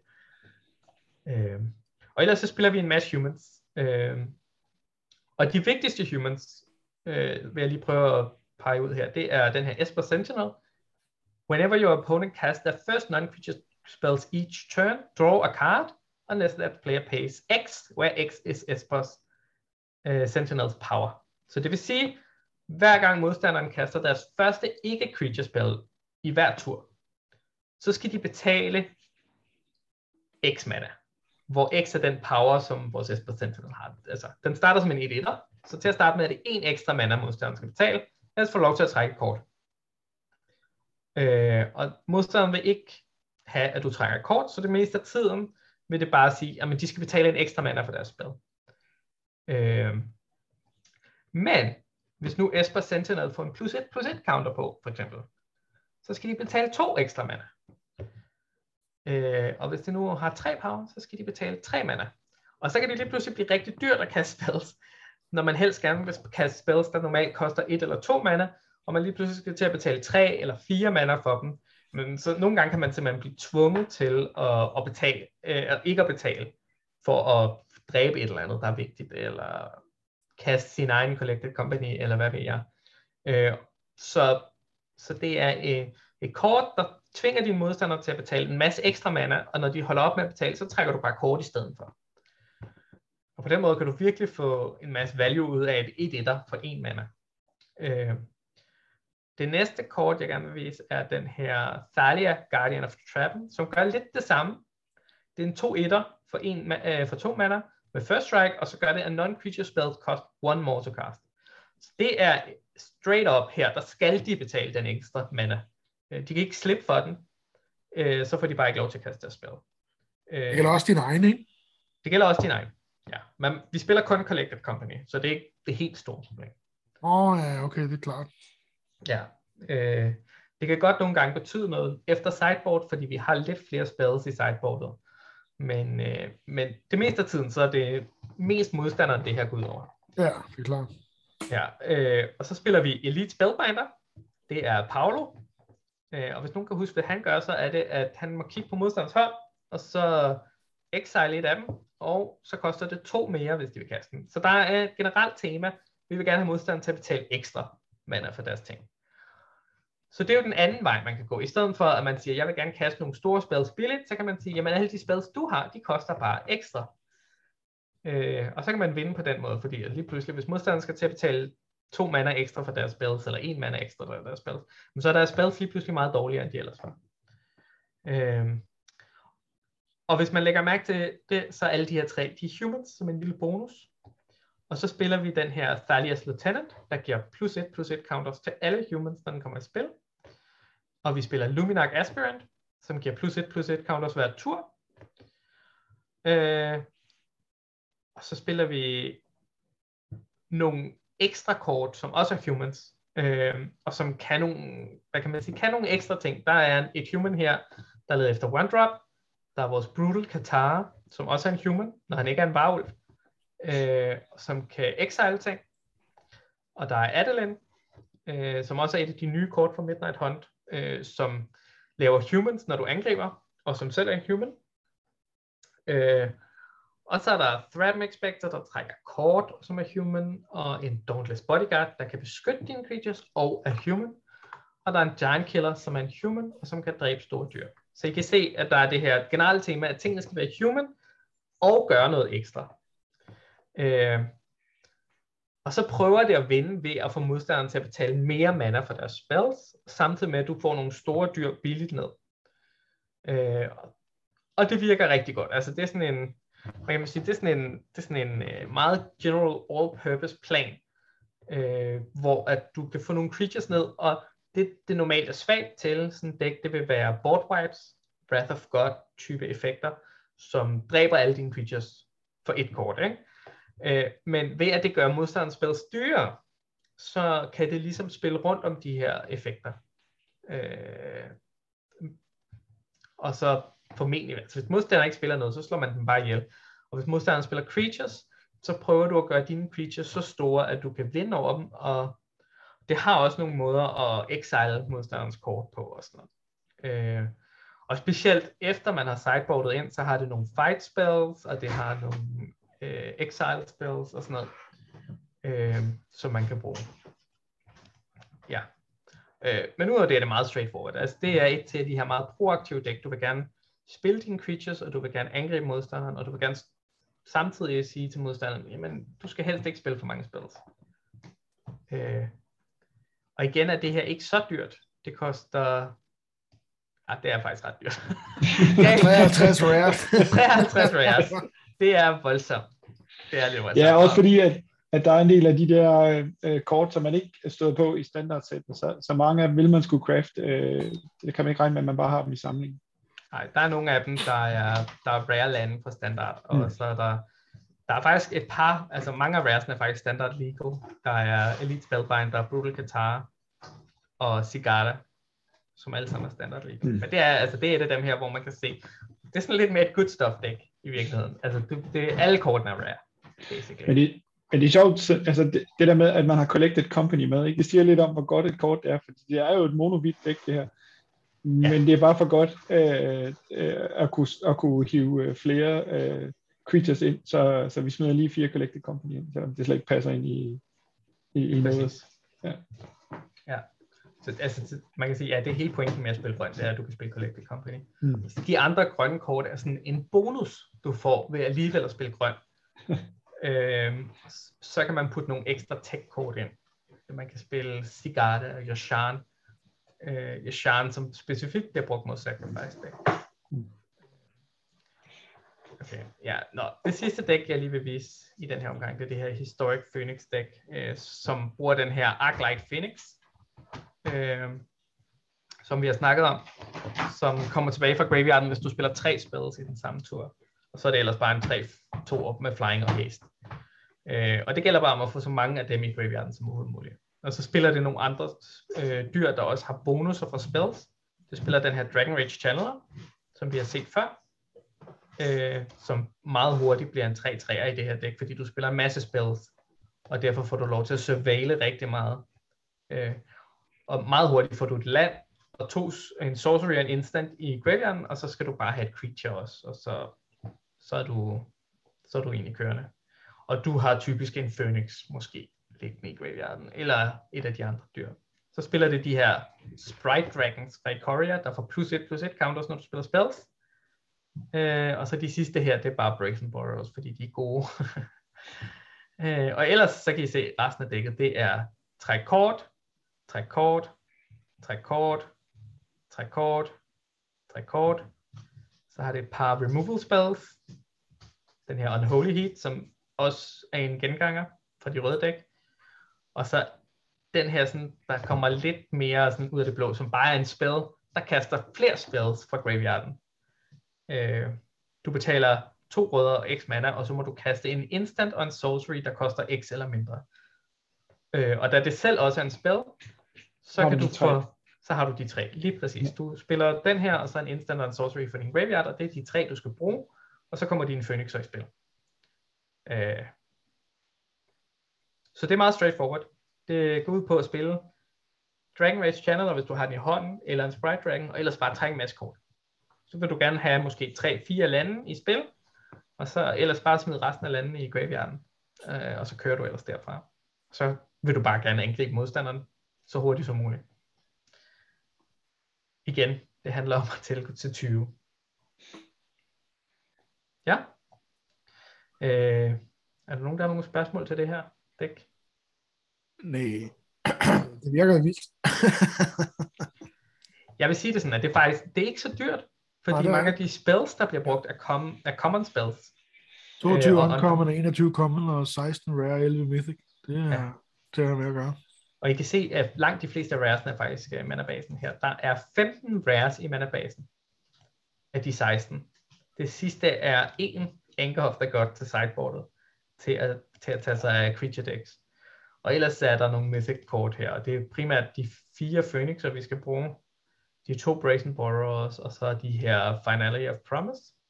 Og så er resten, det I set, meget af det dyre, det ligger også i sideboardet, fordi man skal have de rigtige sideboard-kort til de forskellige situationer. Der kan man godt slippe afsted med noget, der er lidt mindre dyrt faktisk. Øh, det vigtigste er, at du har mana til mana-basen, eller wildcard til mana-basen. Og på den måde er det her faktisk et af de bedste decks at starte med. Øh, og det er samtidig også måske det næstbedste dæk, der er i historik i øjeblikket. Øh, hvor er det bedste dæk, det er så det her øh, John Sacrifice, som kommer i mange forskellige varianter. Det kommer med det her John Food dæk, jeg har taget med, og så øh, andre Sacrifice decks. Jeg ved ikke, om I kan huske, da det var i øh, standard, men der var også et John dæk i standard, mens Mayhem Devil var i standard, som, som også var, altså, det var ikke sjovt at spille mod. Specielt ikke, da der også var den der åndssvage kat. Jeg ved, kan I huske det? Ja. Spillede I, spillede I også, da der var kat og ovn? Vi, vi, vi lavede jo et afsnit øh, sidste uge om de mest irriterende kort at spille mod, Ja. og der var uh, Witches Oven og hvad hedder den, Familia, øh, ja, den der kat, den, de var med, fordi det, det gider man ikke sidde og modstander. Det var, det var slet ikke sjovt at spille mod. Og det er det bedste dæk i Historic. Ja.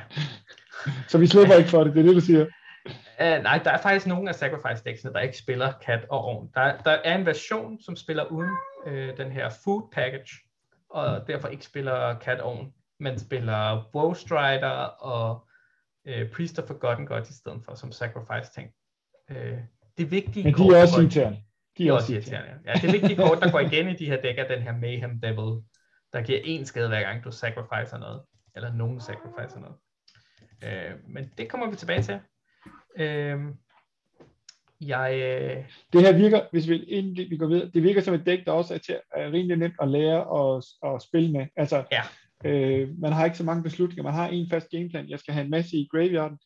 Jeg skal have nogle ting ud, og jeg skal hurtigt ud over stepperne. Øh, ja, Så udover at det er, øh, øh, hvad hedder sådan noget, crafting-venligt, så er det også, øh, det er til at finde ud af. og det er hurtigt at spille, og det er sjovt. Altså, der er noget, der er noget rigtig sjovt ved at smide en masse ting i din graveyard, og så lige pludselig, så kommer der en masse fugle ned, og så, så Mm. angriber du for 9 skade, eller 12 skade, eller et eller andet Mm. på en gang. Ja. Øh, det kan være rigtig sjovt. Ja. Øh, og det, altså, det var også i standard på et tidspunkt, der spillede. Der var det med i, i hvad hedder det, til nogle af de store turneringer på et tidspunkt også. Ja. Og det er ikke blevet dårligere. Øh, det er kun blevet bedre af historik. Rigtig sjovt. Det vil jeg godt, det vil jeg godt anbefale det her. Det, det har jeg spillet meget. øh, ja. Øh, det sidste dæk her, det kan vi godt lige tage nu. Øh, også. Det er det her John Sacrifice dæk, øh, som er ikke alt for dyrt at crafte. Øh, igen er det meget mana-basen, der betyder noget her. I kan se, at i selve, hvad kan man sige, spells departmenten, der spiller vi en Rare Companion, fire Gilded Goose og tre Corworld, og to Thoughtseize. Og, øh, og det er egentlig det. Øh, resten af raresne, de ligger alle sammen i mana-basen. Øh, og derfor så er det også et af de decks, som er godt at crafte, fordi at de lande, du crafter, dem, dem, øh, dem kan du bruge i andre decks også. Øh, og samtidig så nogle af de rares, du drafter her, er, altså specielt Thoughtseize, er et af de bedste sorte kort. Hvis du spiller et sort dæk, og du ikke spiller i hvert fald Thoughtseize i sideboardet, øh, så gør du noget forkert. øh, for det er simpelthen, altså det er et virkelig godt kort. For en sort mana må du kigge på modstanderens hånd, og så smide et ikke-land-kort ud fra den. Det koster dig kun to liv. Øh, og det er, altså det er helt absurd. Altså, modstanderen sidder der og prøver at lave deres egen ting, og så sidder du, smider du for en sort mana, så kigger du på deres hånd, så nu ved du, hvad de har, og så tager du det vigtigste kort. Ja, nogle gange, hvis, hvis du er on the draw, så har du ikke engang fået lov til at, at gøre noget. Du, du starter med, at din modstander har fjernet et kort fra din hånd. Dit vigtigste kort fra din hånd. Så ja. kan du ellers få lov at prøve at komme tilbage derfra. Jeg, jeg vil gerne sige, at hvis man er på, på den modtagende ende af det her, så skal man lige vende sig til det, fordi ellers er det noget af det, der virkelig kan føles dårligt. Det er, at, at modstanderen fortiser dig, som det hedder. Ja. Øh, men ellers så er det, som vi har snakket om, det er, det er et meget effektivt dæk. Jeg vil klassificere det som et, det, der hedder et, et, et, et midrange dæk, men det er det, der hedder et engine dæk hvor at du ligesom har en, en, en kerne af kort, som, som driver dækket frem, som er den her, den her offringsdel, den her sacrifice-del. Du har din Witch's Oven, som kan ofre ting. Øh, du har din Cauldron Familiar, som hvis den er i graveyarden, så øh, hvad hedder det, kan du betale en food for at komme tilbage. Witches Oven laver den food, når du offer katten, øh, så du tapper din ovn for at ofre katten, får en food, og den food kan du så bruge til at få katten tilbage. Og det kan du gøre en gang hver tur, fordi at du skal tabe din ovn, når du bruger den. Øh, samtidig med det, så har du også den her Trail of Crumbs, som gør, når du offrer din food token, så kan du betale ind for at trække et kort, basically. Øh, og det gør, at når du først ligesom har de her tre kort op at køre, jamen så trækker du en masse kort, og du giver modstanderen skade. Modstanderen kan ikke angribe, for katten kan blokke, og så kan du bare ofre den. Så modstanderen de kan sende en 6-6'er ind, så længe den ikke har trample, så hopper din kat bare ind foran. Og så putter du den i ovnen, og så får du et stykke food ud, og ikke noget skade, og så er du glad. Øh, og det er jo også en af grundene til, at det er virkelig frustrerende at spille imod, fordi at du kan ikke gøre ret meget ved det. Altså, det er ligegyldigt, om du angriber med kæmpe store dyr, jamen, så hopper katten bare i vejen, og så, ja, så kan du ikke gøre så meget ved det. Så enten skal du have så mange dyr, at de kan løbe rundt om katten, eller også så skal du øh, smadre deres ovn, eller exile deres kat fra graveyarden, eller et eller andet. Øh, og udover det, så har det også en masse creatures, der får noget ud af, at du sacrificer. Det har det her E'en, der får plus 1 plus 1, når du sacrificer en artefakt eller et creature. Det vil sige, hver gang du har kørt katten igennem ovnen og tilbage igen, så har du sacrificed et creature og en artifact, så det er plus 2 plus 2. Og udover det, så kan den også selv ofre ting for at trække kort. Øh, som en lille bonus. Så, så den kan, hvis du mangler din ovn, så kan den som, som nød ligesom øh, hjælpe dig med til at sacrifice ting. Øh, så har du din Mayhem Devil, der giver en skade hver gang, der er noget, der bliver sacrificed. Det gælder også, hvis modstanderen sacrificer ting. Øh, så hvis de sacrificer deres øh, Fabled Passage for at lede efter noget, bum, så får de en skade. Eller også er der et af deres dyr, der dør, eller et eller andet. Øh, og det gør, at det her dæk er rigtig godt mod øh, creature deck specifikt, som har en eller anden skrøbelig del. Det har måske en eller anden et etter, der laver mana, eller øh, en et etter, der giver plus et plus et til de andre dyr, eller et eller andet. Og det, du kan simpelthen få lov til at sidde, og så kan du skyde dem en af gangen med din Mayhem Devil. Det er, det, det er halsløjt uh, det der, uh, så vidt jeg kunne se, så der stikker, uh, der stikker sådan en, en arm ud af dens hule og en fuglevinge, og den er ved at smide en slange ind. Uh, der må, ja, det er ikke fordi, den samler til forråd. Den ikke kan tåle. Det er forråd. Har jeg, jo, det er dens forråd. ja, det ved jeg. Men er, det bare være, være nødder og, og bær, eller hvad det ja. Det der, der er bare sådan en hånd ud af, af dens forråd. Af den version, der er på Arena, der er flavorteksten også, at der ikke er nogen monstre i skoven. Der er kun en. Oh, det er fedt. Dræber igen. ja, dræber igen. Og det er rigtig nemt at kaste, fordi du kan kaste den enten for en grøn eller en sort. Så dit æren, det er din bedste ven. Den kommer bare i spil, og så bliver det kæmpe stort lige pludselig. Øh, det sidste dyr, der får noget ud af at øh, sacrificer, det er Corwell Fake Curse King. Hver gang du sacrificer noget, så får den plus 1 plus 1, og du må trække et kort. Så når han først er i spil, og du begynder at sacrifice ting, så stikker det helt af. Altså, så trækker du så mange kort, at så er det bare slut. Øh, han koster også 5 mana, og han skal sacrifice noget, hver gang han angriber. Men det er lidt lige meget. Altså, hvis du får ham ned, og de ikke får ham væk med det samme, så vinder du bare. Plus at han flyver, hvilket vil sige, at han står bare modstanderen i hovedet, øh, hvis han overlever. Og han kan meget nemt være en 10-10'er, når du får din tur igen. Altså, øh, han starter med at komme ned, og så skal du ofre noget, så er han allerede en 5-5'er. Øh, og så offrer du måske en kat og en token, så får han plus 2 plus 2, så har han en 7-7'er. Øh, Og så når det er din tur Og igen, inden han så jamen, angriber, så gør man lige det samme igen. Ja, så inden han angriber, så offrer du lige din kat, og kommer den tilbage igen, så er han en 9 9 og når han så angriber, offrer du noget igen, fordi det skal du, så er han en 10 10 og bum, så er væk med Samtidig, så har du trukket seks kort, fordi du har trukket, offret seks permanents. Så det er, også- det er lidt absurd. Altså det, det er sådan et af de dæk, hvor, altså det er et klassisk eksempel på et dæk, der har sådan en, en, en engine, når den først kommer op og kører, jamen så stikker det helt af. Altså så, så, så, er, det, så er det ligesom sådan, så, så bliver det bare ved med at pumpe flere og flere ting ud, og du trækker kort, og du giver skade, og ja, modstanderen kan ikke rigtig gøre noget. Og det er derfor, det er så godt. Altså, efter at øh, de gode counterspells er væk og sådan noget, så, øh, så er det her tilbage på toppen af, af historic øh, stigen, kan man sige. Så hvis man spiller historic, så skal man forvente at se John Food et eller andet sted. Og hvis man gerne vil have et dæk, der vinder meget, så vil jeg godt anbefale det her. Øh, og det spiller kun gode kort. Altså, der er ikke nogen af de her kort, der er dårlige. Ja. Ja. Øh, så øh, jeg har en lille smule mere tilbage til jer. Jeg har lidt mere af min præsentation. Øh, skal vi se her. Fordi jeg har, jeg vil gerne snakke lidt om de combo decks, der er. Og det er også fordi, at det er lidt sjovt at spille combo i Historic, og der er to forskellige typer af combo decks. Der er det, man kan kalde dedikeret combo decks, som har én plan, og det er at få komboen til at køre. Øh, og så når den kører, så vinder de. Altså, der er øh, det, der hedder Tainted Pact, som er øh, et dæk, I kan slå op, for det har jeg ikke taget med. Men, men det er et dæk, hvor du spiller en af hver kort, øh, og så det Tainted Pact gør, er, at du må kigge på det øverste kort, og så må du smide det i graveyarden. Øh, og det må du gøre, indtil du har trukket to af det samme kort. Oh, ja. Øh, og når du så trækker det andet af det samme kort, så skal du tage den op på hånden. Så det vil sige, at hvis du får Island nummer to, jamen så stopper du, og så tager du Island op på hånden. Men hvis du nu ikke spiller to af nogen kort, så det der sker er, at hele din graveyard, eller hele dit dæk forsvinder over af graveyarden. Eller det kan du i hvert fald, hvis du har lyst.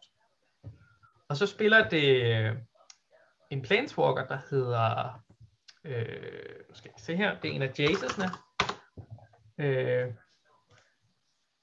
Jace Wielder of Mysteries hedder det. Og han har en passive ability, der gør, at hvis du trækker et kort, og du ikke har nogen kort i dit library, så i stedet for at tabe spillet, så vinder du spillet. Og så har han samtidig en ability, der gør, uh, en plus 1 ability, der gør, at uh, du putter de to øverste kort i graveyarden, og så trækker du et kort. Uh, så det vil sige, at hvis du ikke har nogen kort i graveyarden, så plus 1 du ham bare, og så vinder du spillet. Eller et, ikke nogen kort i library, undskyld. Så, så det går i al sin enkelhed ud på, at du spiller James Wield of Mystery, og så spiller du Tainted Pact, og så vinder du. Ja. Og resten af det er bare klik hurtigt nok til at sige, jeg vil gerne smide alle mine kort i graveyarden. Det, det var faktisk meget sjovt, fordi da det kom ud, så var det faktisk et problem. Fordi at man skulle igennem så mange kort, og for hver enkelt kort skulle du sige, om du vil beholde det eller ikke beholde det. Så man, man skal have sin, uh, man skal have sin uh, actions per minute i orden, sin APM. Det lyder, det lyder også sjovt at sidde og vente på, at ens modstander får klikke. Ja, men altså- library. Så må man skulle bare give op, altså. Modstanderne, de spiller det. Ja, Øh, det andet dedikerede combo deck, det, er, det har jeg taget med, det her Jeskai Creativity deck. Øh, det kan vi lige kigge på bagefter. Så har jeg også lavet en kategori, der hedder Incidental Combo Decks, som er combo der bare har en combo med som en lille bonus. Så det her Heliod Oak deck, jeg har med, det, er, det minder lidt om det her Celestia Humans deck. Det er også et Celestia deck. Øh, et, øh, et af de her Collected Company decks. Forskellen er bare, at det spiller Heliod, og så spiller det øh, et creature, der hedder Scurrying Oak, og så et anden, øh, en anden, et andet creature, der hedder, og hvad han hedder, ham Innkeeperen. I kender godt Innkeeperen, ikke? Ja. Bare standard. Øh, som, og det Innkeeperen gør, det er, at han giver en liv, når der er creature, der kommer i spil. Det Heliod gør, det er, at han giver en plus 1 plus 1 counter på et creature, hvis du får en liv. Og det, at Heliod Oak gør, det er, at når den får en plus 1 plus 1 counter på, så laver den en 1-1 token. Øh, Og når den token så kommer i spil, så får du et liv, og når du får et liv, så får du en counter, som du putter på din oak, og når oaken får en counter på, så får du en 1 etter, og så kører det i loop, ikke? Så, så Hvad sker kan man lave, så? Jamen, så kan du lave lige så mange øh, 1 etter, du vil, og du kan gøre den så stor, som du vil, og du kan få lige så meget liv, du vil. Du kan bare blive ved, og så når du ikke har lyst til at få mere liv eller flere 1 etter, så putter du bare din counter på et andet dyr. Det kunne for eksempel være en af de 1 etter, du har lavet, ikke? Øh, så når du spiller det, og du lige pludselig koger ind i to af de her dyr, så bum, så har du alle de etter, du vil have, du har uendelig liv, og så, så har modstanderen tabt, ikke? Øh, så det dæk, det synes jeg, jeg synes lige, vi skal tage et kig på de her to dæk her. Jeg har, øh, jeg har taget dem med, så jeg tager lige og tager de to dæklister frem. Øh, og skifter over til den. Kan I se øh, dæklisterne nu her? Ikke nu, nej. Øh, share. Er det der nu? Yes. Okay, så det her det er det her Heliod Oak dæk her. Og I kan se, det spiller de her fire Collected Company, det spiller den samme mana base som det andet Coco dæk. Og så spiller det de her fire Scurry Oaks, øh, som når du får et et counters på, så må du øh, lave et et tungs. Og samtidig så gør den så også, når den kommer i spil, øh, eller når der kommer creatures i spil, så må du øh, nogle gange putte et et counters på den. Det er sådan en lille bonus. Øh, så spiller det den her Heliod Suncrown, som er kort for Theros Beyond Dead, som når du får liv, så må du putte en 1-1 counter på target creature, eller enchantment you control, øh, og så kan det give lifelink, og så spiller det Prosperous Innkeeper, der giver liv, når der kommer et creature i spil. Og resten af dækket er sådan noget, det vil gerne lave lidt counters, og det vil gerne have lidt liv og lidt mana, og det spiller altså den her Esper Sentinel, som vi så før, det spiller Elite Spellbinder, og det spiller de her Skyclave Apparitions til Exile, så det er sådan et, øh, altså, det er ikke vigtigt, at du får din combo til at køre. Du kan sagtens vinde uden, men hvis du rammer komboen, så vinder du bare. Så man kan sige, det er sådan en lille bonus, du lige har bygget ind i dit dæk. Det er nogle gange, men så mens du sidder og laver dine ting, hov, op, så trækker jeg lige min Scoria op, og jeg har de to andre ned, bum, så vinder jeg. og det, det, det er det, man kan, det, det kan man sige, det er sådan en, det er sådan en lille bonuskombo, man kan have med, ikke? Så det, det er meget, det, altså det, det, jeg, jeg siger det sådan, at jeg har spillet det her et par gange, og det er rigtig sjovt. Det her med, at du ligesom lidt ud af det blå, lige pludselig, selvom det ser ud som om du er ved at tabe og sådan noget, åh, puha, så kaster jeg lige min Collector Company, og så får jeg lige to af de her dele til min kombo, og så bum, så vinder jeg. Selvom jeg var bagud. Så lige pludselig har jeg bare i det der over det hele til at blokke med, og uendelig liv og, og sådan noget. ja, så det er meget sjovt. Øh, så, bare som sådan en, en, en lille forsmag på nogle af de sådan lidt absurde ting, der sker i historik. Det andet dæk, det er det her Jeskai øh, Creativity dæk her. øh, som er et lidt mere dedikeret combo dæk. Det er et, sådan et combo kontrol dæk. Det minder lidt om det her øh, Jeskai kontrol, vi så før.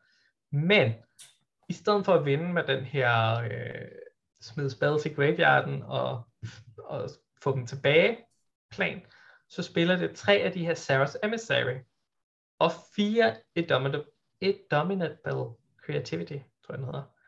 Øh, og det Indomitable Creativity gør, det er, at du må destroy X target permanent, uh, target artifact and or creatures. For each permanent destroyed this way, its controller reveals cards from the top of his or her library, indtil de finder en creature eller en artifact. Uh, så det kan destroy X creatures, og så finder man så nye creatures eller artifacts til øh, at erstatte dem. Så du kan bruge det som en sådan lidt dårlig removal spell på creatures, din modstander har. Eller hvis du nu har et par creature tokens, der bare ligger og flyder rundt, eller et par artifact tokens, en treasure token, eller et eller andet i den dur, jamen så kan du skyde din egne. Og så kan du, så lige pludselig kommer der så de her Sarah's Emissary ud. Og det Sarah's Emissary gør, det er, at hun er en 7-7'er for 7 mana, men når hun kommer i spil, så må du vælge en card type, og så har du og dine creatures protection from chosen card types. Så du kunne for eksempel vælge creatures, og så kan du ikke længere tage skade fra creatures. Og creatures skal ikke blokke dig. Så hvis modstanderen kun spiller creatures og ikke rigtig andet, jamen øh, så har de tabt. så kan de ikke gøre mere. De kan ikke give dig skade, og din, den der Sarah's Emissary, den tre ture, så har den dræbt modstanderen, ikke? Øh, og du kan også, hvis du nu har flere af dem, så kan det være, at der er en, der beskytter dig mod instants, og en, der beskytter dig mod sorceries. Kommer lidt an på, hvad modstanderen har af removal i deres dæk og sådan noget. Så kan man samtidig beskytte sig mod det, ikke? Øh, så det, det er det, der er planen. Planen er, at vi har nogle kort her, der laver et etter, eller der laver tokens. For eksempel den her Hard Evidence. Den laver 0,3 krabbe, og den laver en Clue token, som I kender fra Midnight Hunt. Øh, de her betal to mand og trække kort token. Så det vil sige, at den laver faktisk to tokens, du kan bruge til din creativity for en øh, mana, og samtidig kan 0-3'eren, den kan blokke dyr, der kommer i spil fra modstanderens side, og du kan også trække et kort, hvis det bliver nødvendigt. Øh, vi spiller også øh, øh, den her, der laver treasure tokens. Vi spiller også Prismari Command, der laver treasure tokens. Øh, og resten er dækket af sådan en control shell med øh, Lightning Helix og Fire Prophecy og Settle the Breakage og Sweltering Sun, og så samtidig en masse card draw, som gør, at vi prøver at finde den her Indomitable Creativity. Øh, så det er sådan et, det er sådan et rendyrket kompodæk. Det er sådan et, det har en plan, det er at få komboen til at virke, og dræbe modstanderens dyr, sådan så de ikke slår dig ihjel, før du får din kombo i spil.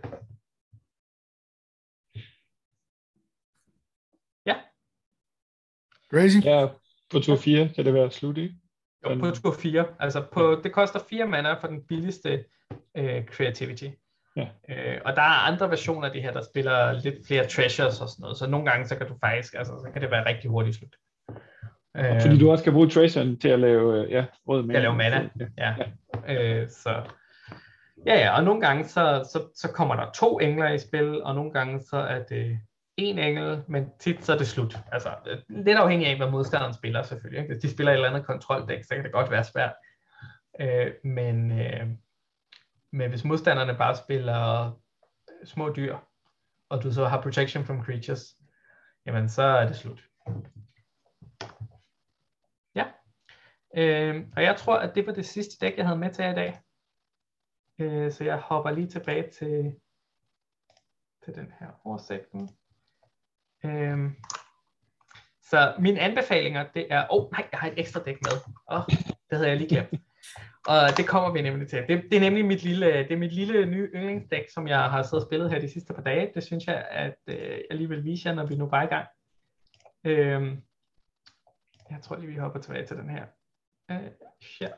her.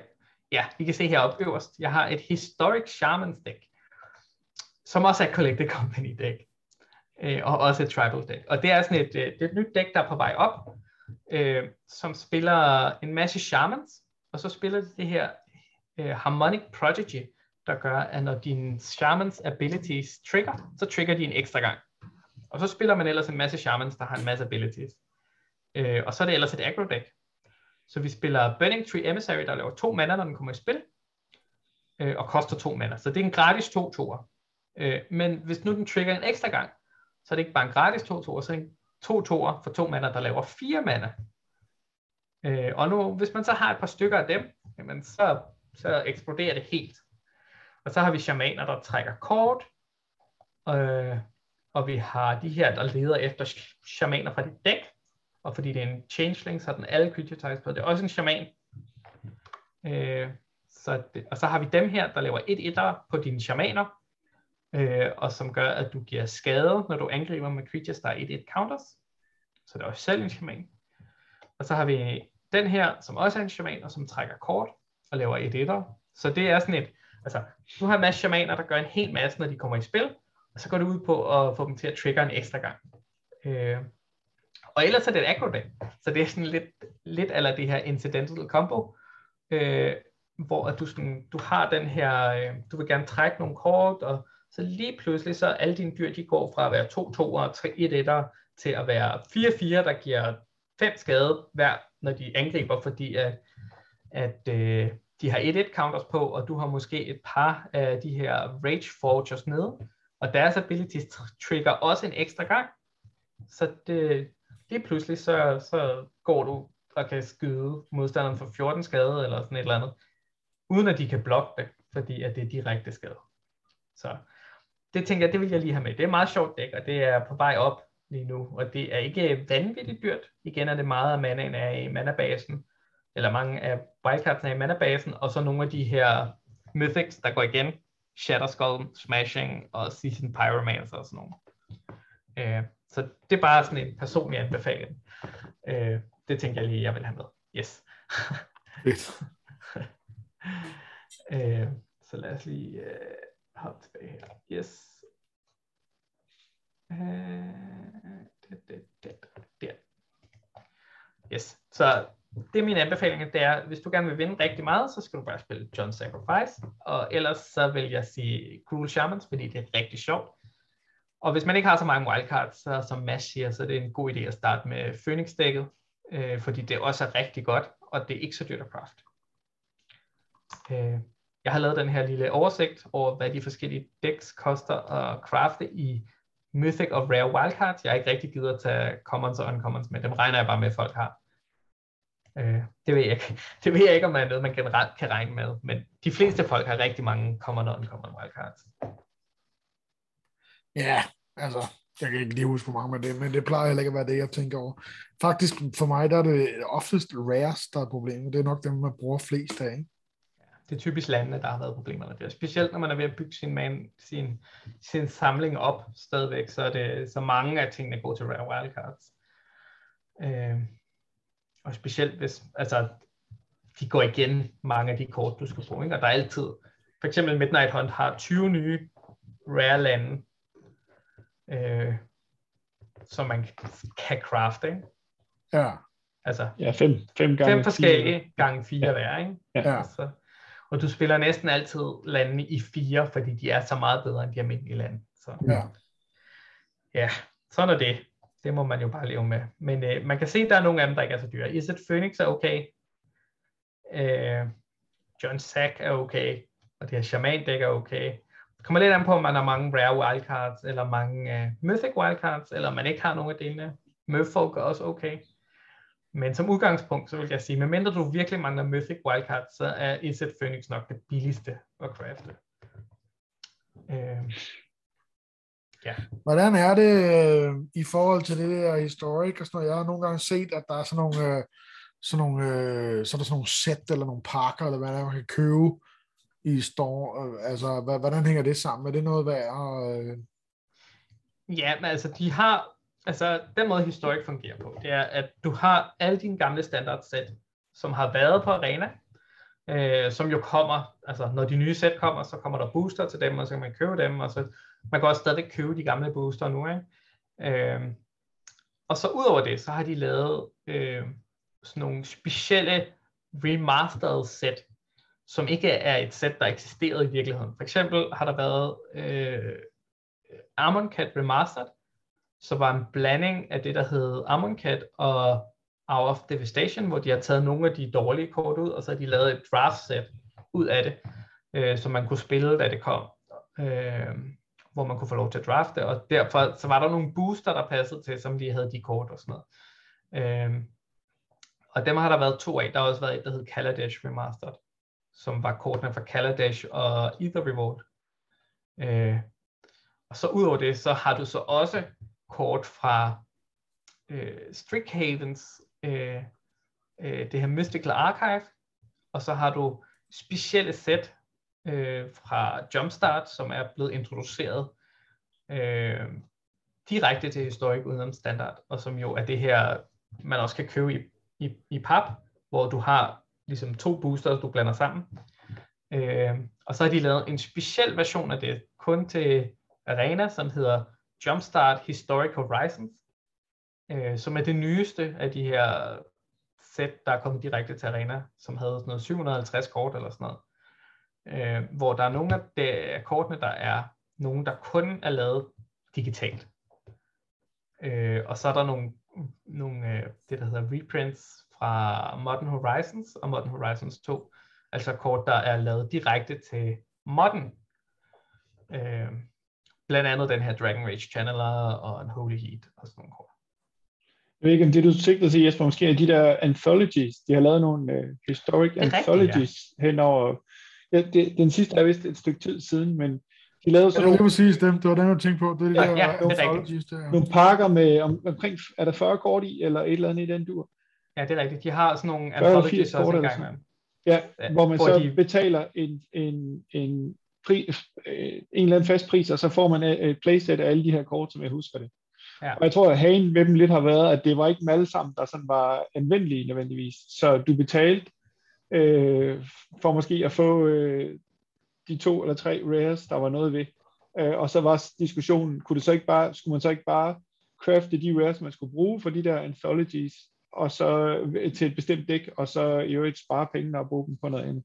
Øh, det, det, det, det, jeg ved ikke, om de laver flere af de der anthologies, men det er i hvert fald en overvejelse, man skal gøre sig.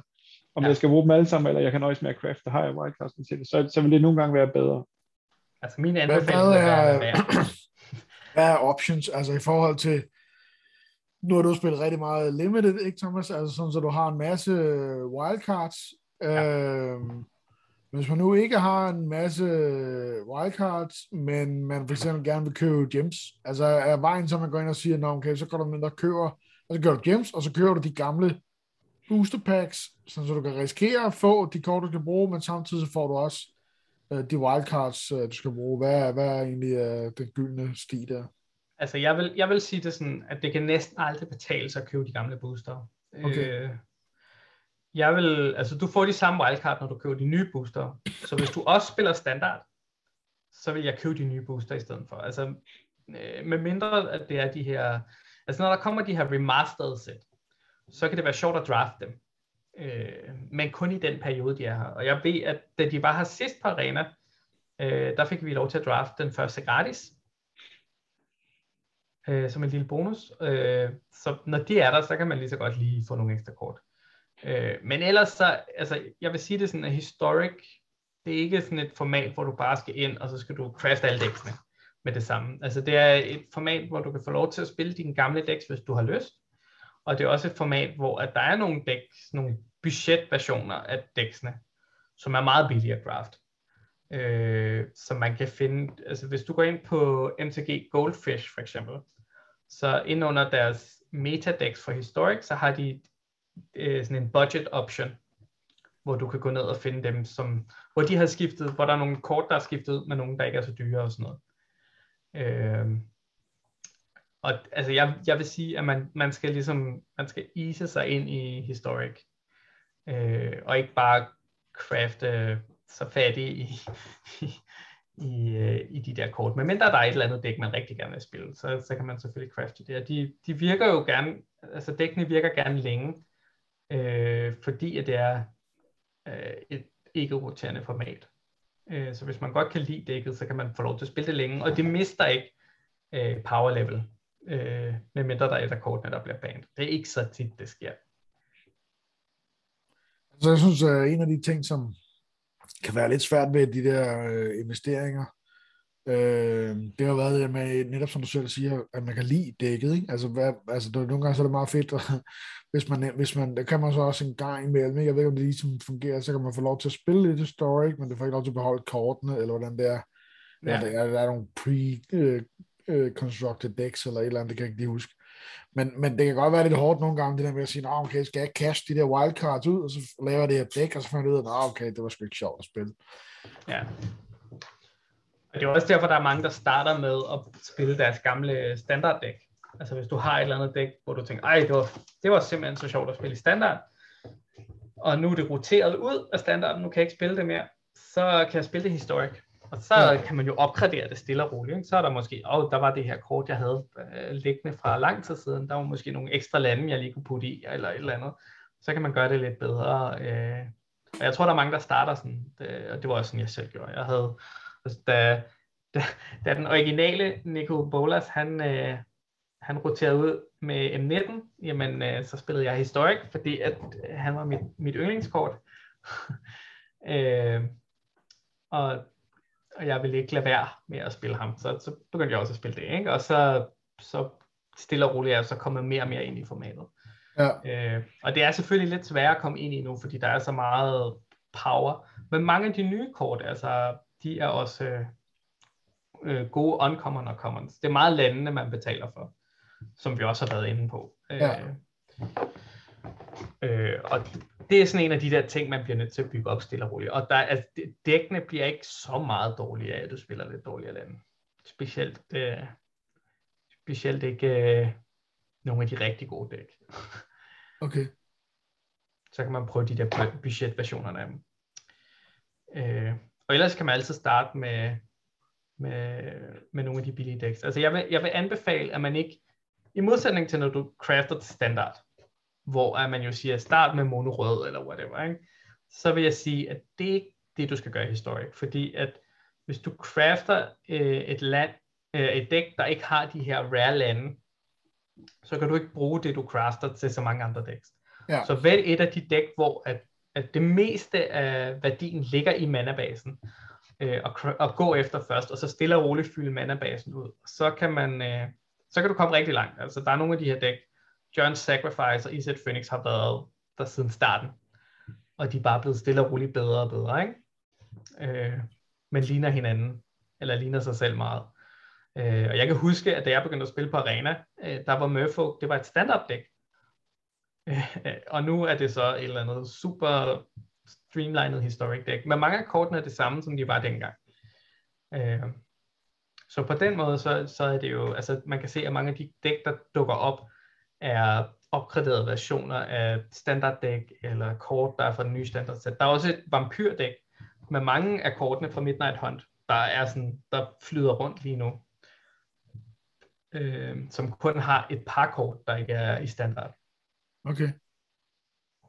Øh, ja, der var vampyr i Ixalan, ikke? Jo, der var vampyr i Ixalan også, ja. ja. Og så er og der, der, kommer, en og der kommer og der kommer flere vampyrer i øh, i Crimson, wow, i ja, som kommer ja. hjem lidt. Ja. Ja. Øhm, ja. Jamen, jeg, øh... jeg tror, at det er det, jeg havde for jer, øh, til jer her. Jeg har lige sådan en, hvor I kan finde de decks, jeg har snakket om. Jeg har, jeg har lagt dem alle sammen ind på min profil på, øh, på MTG Goldfish, så der kan man bare gå ind og søge, og den dag, vi har optaget det her, det er den 26. 10. Øh, så det er også den dato, der står på dæksene. Øh, så I kan bare gå ind, og så kan I søge på mig som player, så hvis folk de gerne vil finde dem, så kan de pause videoen her, medmindre de hører det i radioen. Vi, vi skal nok lægge nogle øh, links i, uh, i show notes også, så, så man kan Perfekt. Kan gå ind via, via, via det. Ja. Øhm. Og så er der også noget med, at du øh, lige om lidt går på et eller andet øh, streaming binge. Ja, altså det er sådan så, at, øh, at jeg fra på søndag øh, har øh, det, man kalder øh, en, par, øh, en tid mellem jobs, hvor jeg øh, øh, er, hvad hedder det, hvor jeg er arbejdsløs i et lille stykke tid. Så den næste måned i hvert fald, der regner jeg med at streame fast. Øh, de fleste hverdage. Øh, en 4-5 timer eller sådan noget. Øh, så hvis man gerne vil se noget historik, så kan man jo gå ind på min Twitch øh, her fra på mandag. Øh, og det er bare twitch.tv slash Mr. Cruisen, som er mit, øh, mit Twitch-navn også. Altså, du har tænkt dig at streame 5 timer om dagen de næste 30 dage? Ja, ikke i weekenden. Der har jeg tænkt mig at være sammen med mine børn. Men, øh, men i hverdagen har jeg fået lov til at streame øh, et par timer hver dag. Så det er sådan noget 4-5 timer for mig. Kommer du til at spille Historic? Jeg kommer til at spille rigtig meget Historic og rigtig meget Drafts. Så øh, hvis jeg har råd til det, så spiller jeg nok Draft indtil jeg music. Øh, og ellers så spiller jeg Historic indtil jeg har råd til Draft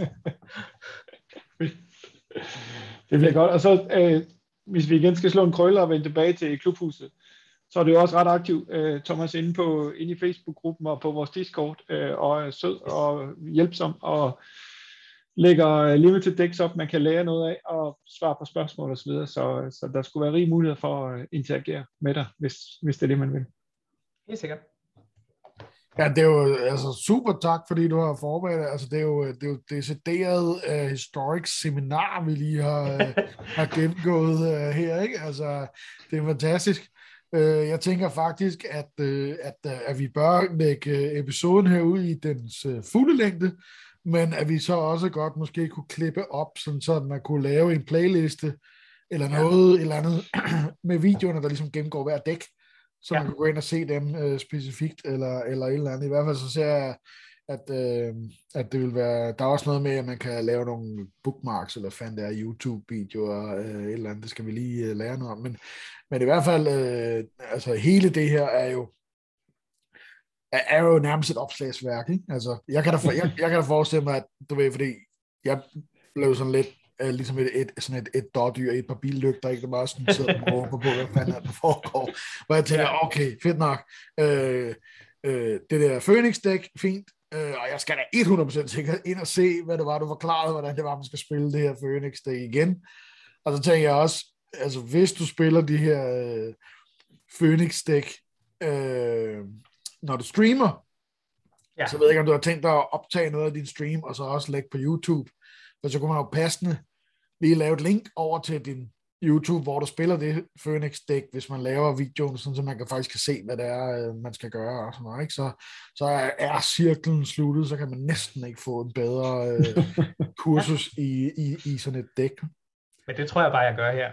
Nok også den første uge, hvor jeg lige skal øve de forskellige dæks i Historic. Så laver jeg nok nogle videoer med hvert dæk. Øh, har øvet dem lidt, men, øh, men jeg kunne godt tænke mig, jeg har craftet dem alle sammen, så for jeg skulle lige se, hvad de gik ud på. Så, ja. øh, så det, det, det tror jeg, jeg gør. Og så kan jeg jo vende tilbage til jer med linksene, så kan folk øh, også komme ind og se dem, hvis de Ja, så kan så vi opdatere det løbende, alt efter, øh, hvornår du får det lavet. Ikke? Ja. Det er fantastisk. Øh, mange tak for det, Thomas. Jo, Tusind tak, Thomas. Tak for i aften. Og øh, Mads, det er noget med, yeah. at når vi slutter her, så er det kun, nu har vi jo Thomas med i dag, men så regner vi jo normalt med, at det kun er os to, der sidder tilbage. Ja. Og ingen, der bliver ved.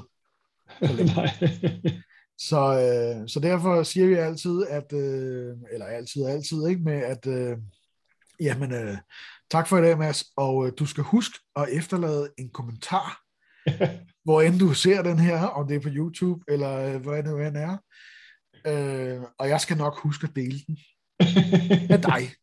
det er godt. Det er godt. Jamen, øh, vi, øh, vi vender stærkt tilbage i næste uge. Skal vi ikke sige det? Det gør vi i hvert fald. Øh, ja. Så tak for det. Vi ses. Tak for nu. Hej.